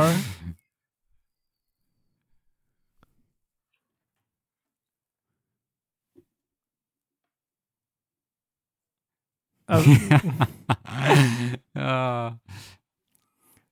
nej men alltså, so far så har de upplevelserna jag haft varit så starka att jag eh, nog, även om jag skulle haft kritik, hade inte kunnat se dem över, Nej. över de starka intrycken som jag har fått. Mm. Ja, Nej, det här är ett wow alltså. Va, vad säger du? Vad är din största kritik? Nej, men det är, det är så små petitesser egentligen, men det, jag har faktiskt haft lite kameraproblem, måste jag erkänna. Uh, framför allt med lock-on-systemet. Jag förstår inte jag, inte, jag begriper inte riktigt hur det funkar. Alltså, och, och det är okay. just det. Det är just det som är min kritik. Att spelet inte har kommunicerat tillräckligt tydligt hur det funkar. Ja, men det är ju typiskt. Ja. From software. Ja, exakt. Nej, men det är någonting där som, som gör, alltså, jag blir lite frustrerad på det ibland faktiskt. Och en sak som jag inte vad... tycker om, det är att när du trycker in vänstra Oj. spaken så duckar du. Så ja. smyger man. Och i bossar, ja. alltså det kommer i vägen ibland. Alltså att jag, för att ni vet, ja, man okay. är... Du råkar ja, trycka? Jag råkar trycka och så dör jag för att jag tydligen duckar och smyger istället för att... Ja. Det har faktiskt varit lite frustrerande. Jag, jag såg precis siffror här på att i eh, Storbritannien så har Elder Ring sålt eh, mest av alla spel sedan 2019 om man bortser ifrån eh, Fifa, Call of Duty och Red Dead Redemption 2 What? hittills. Du ser, och du det, ser. Ja, då, då, men precis, alltså jag menar det här, det här är ju en studio som har gjort liksom kompromisslösa nischade spel för, för liksom en inbiten inbiten men liksom eh, ändå relativt liten skara. Sen har ju det, jag menar, ökat för varje spel man släppt, men nu är de framme vid en nivå där de aldrig har varit eh, tidigare på något vis. Um, och det är kul att också, också att de verkar ta det i eh, åtanke när de designar nya spel, alltså Elden ja. Ring, eh, gentemot att så här, det kommer vara många nya spelare, du, du kan samordna, du kan ha den hästen, du kan välja din eget, ditt eget liksom framåtskridande mycket mer. Det känns ju som att på sina vis i alla fall ja, så till, tillgängliggör de Elden Ring jämfört med de andra spelen. Så att ja, jag håller tummarna. Ja. Ja, uh, Jesper när du kommer, ja. Ja. Alltså jag ser så mycket fram emot att spela med dig Jesper. Ja, jag har med. I handen. Och jag kommer nog lyssna på podd de tillfällen jag inte spelar med dig för att försöka ta udden av det värsta. Mm.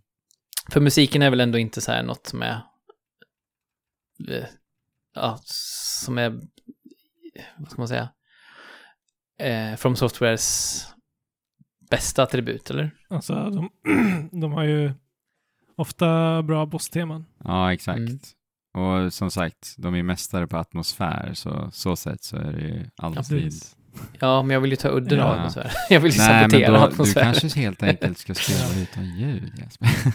Nej, men det är typ ja. när man är i katakomberna, så där är det riktigt kusligt alltså. Det är någonting i ljud, ja. ljudmattan där och det är någon mystisk klocka som slår ja. lite så här superdovt och ja. darrar.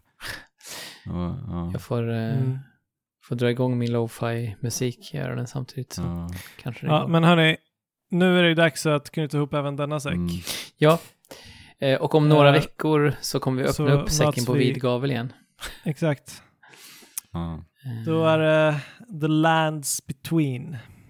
Då är det All Out Elden Ring i nästa avsnitt. Så att om ni tyckte att ni fick för lite idag så har ni något gött att se fram emot uh, nästa avsnitt av Trekraften. Då kanske vi har lite kritik också. Ja, vi får se. se. Vi får se. Vi får se. Uh, så länge, om ni inte kan vänta på att höra vad vi säger om Elden Ring i podcastformat så kan ni höra vad vi och våra kära kompanjoner på Discord säger i eh, From Software-kanalen, för den går ju onekligen varm just nu. Och, och även Horizon-kanalen har varit eh, väldigt aktiv.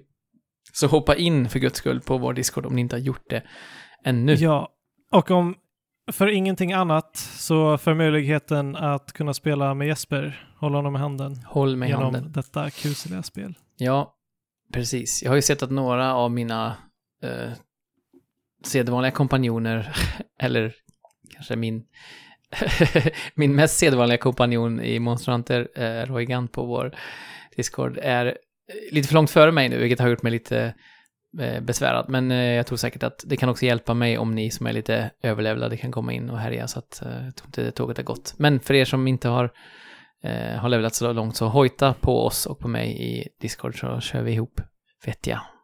Jag undrar om jag är den enda i världen Ja. som spelar på Xbox. Alltså. De hade sålt, jag läste att de hade sålt, vad var det, 20 miljoner, nej. Stäm, nej, kan det stämma? Ja. Var det 2 Men- miljoner? men- 2,3 så att- miljoner Xboxar Är det så? Ja. i Japan. Och då, räck, då var merparten av dem... eh, Elden ring-maskiner. 360s. Jaha, Nej, ja. 360. Men eh, så att om du spelar på Xbox också så kan du ha chansen att kanske koopa lite med Andrew. Absolut. Spelar med världens Så kom in. bästa kom Andrew in. Reilly. Men eh, en Jo, fördel men- faktiskt jo. med att spela på Xbox, vi pratar ju om hur massivt spelet är, det är att batteritiden i Series X-kontrollen är ju Nej. liksom, jag vet inte, 40-60 timmar. Men på den där jäkla Mm. DualSense på PS5 alltså, det är, ja. 40 minuter. Ja. Ja. men det har inte så mycket, do, alltså jag har inte känt några vibrationer överhuvudtaget. Eh, så att, så att det håller bra mycket bättre på kontrollen än eh, vad det gör i Horizon, ja, just det. Mm. åtminstone. Ja, nej. Jag vill Ja. fortsätta Ja. utforska nu alltså. Ja, precis. Vad gör vi här? Vi måste, vi måste till The Lands Tillbaka till en emellan. Ja, vi går från de här två Eh, öppna världarna till en värld som är ännu större, nämligen den riktiga världen. Eh, och tills eh, vi hörs i det här formatet igen så får ni ta hand om er allihopa där ute. Hoppas att ni, att ni verkligen gör det. Så får ni spela på. Och chip Tjola.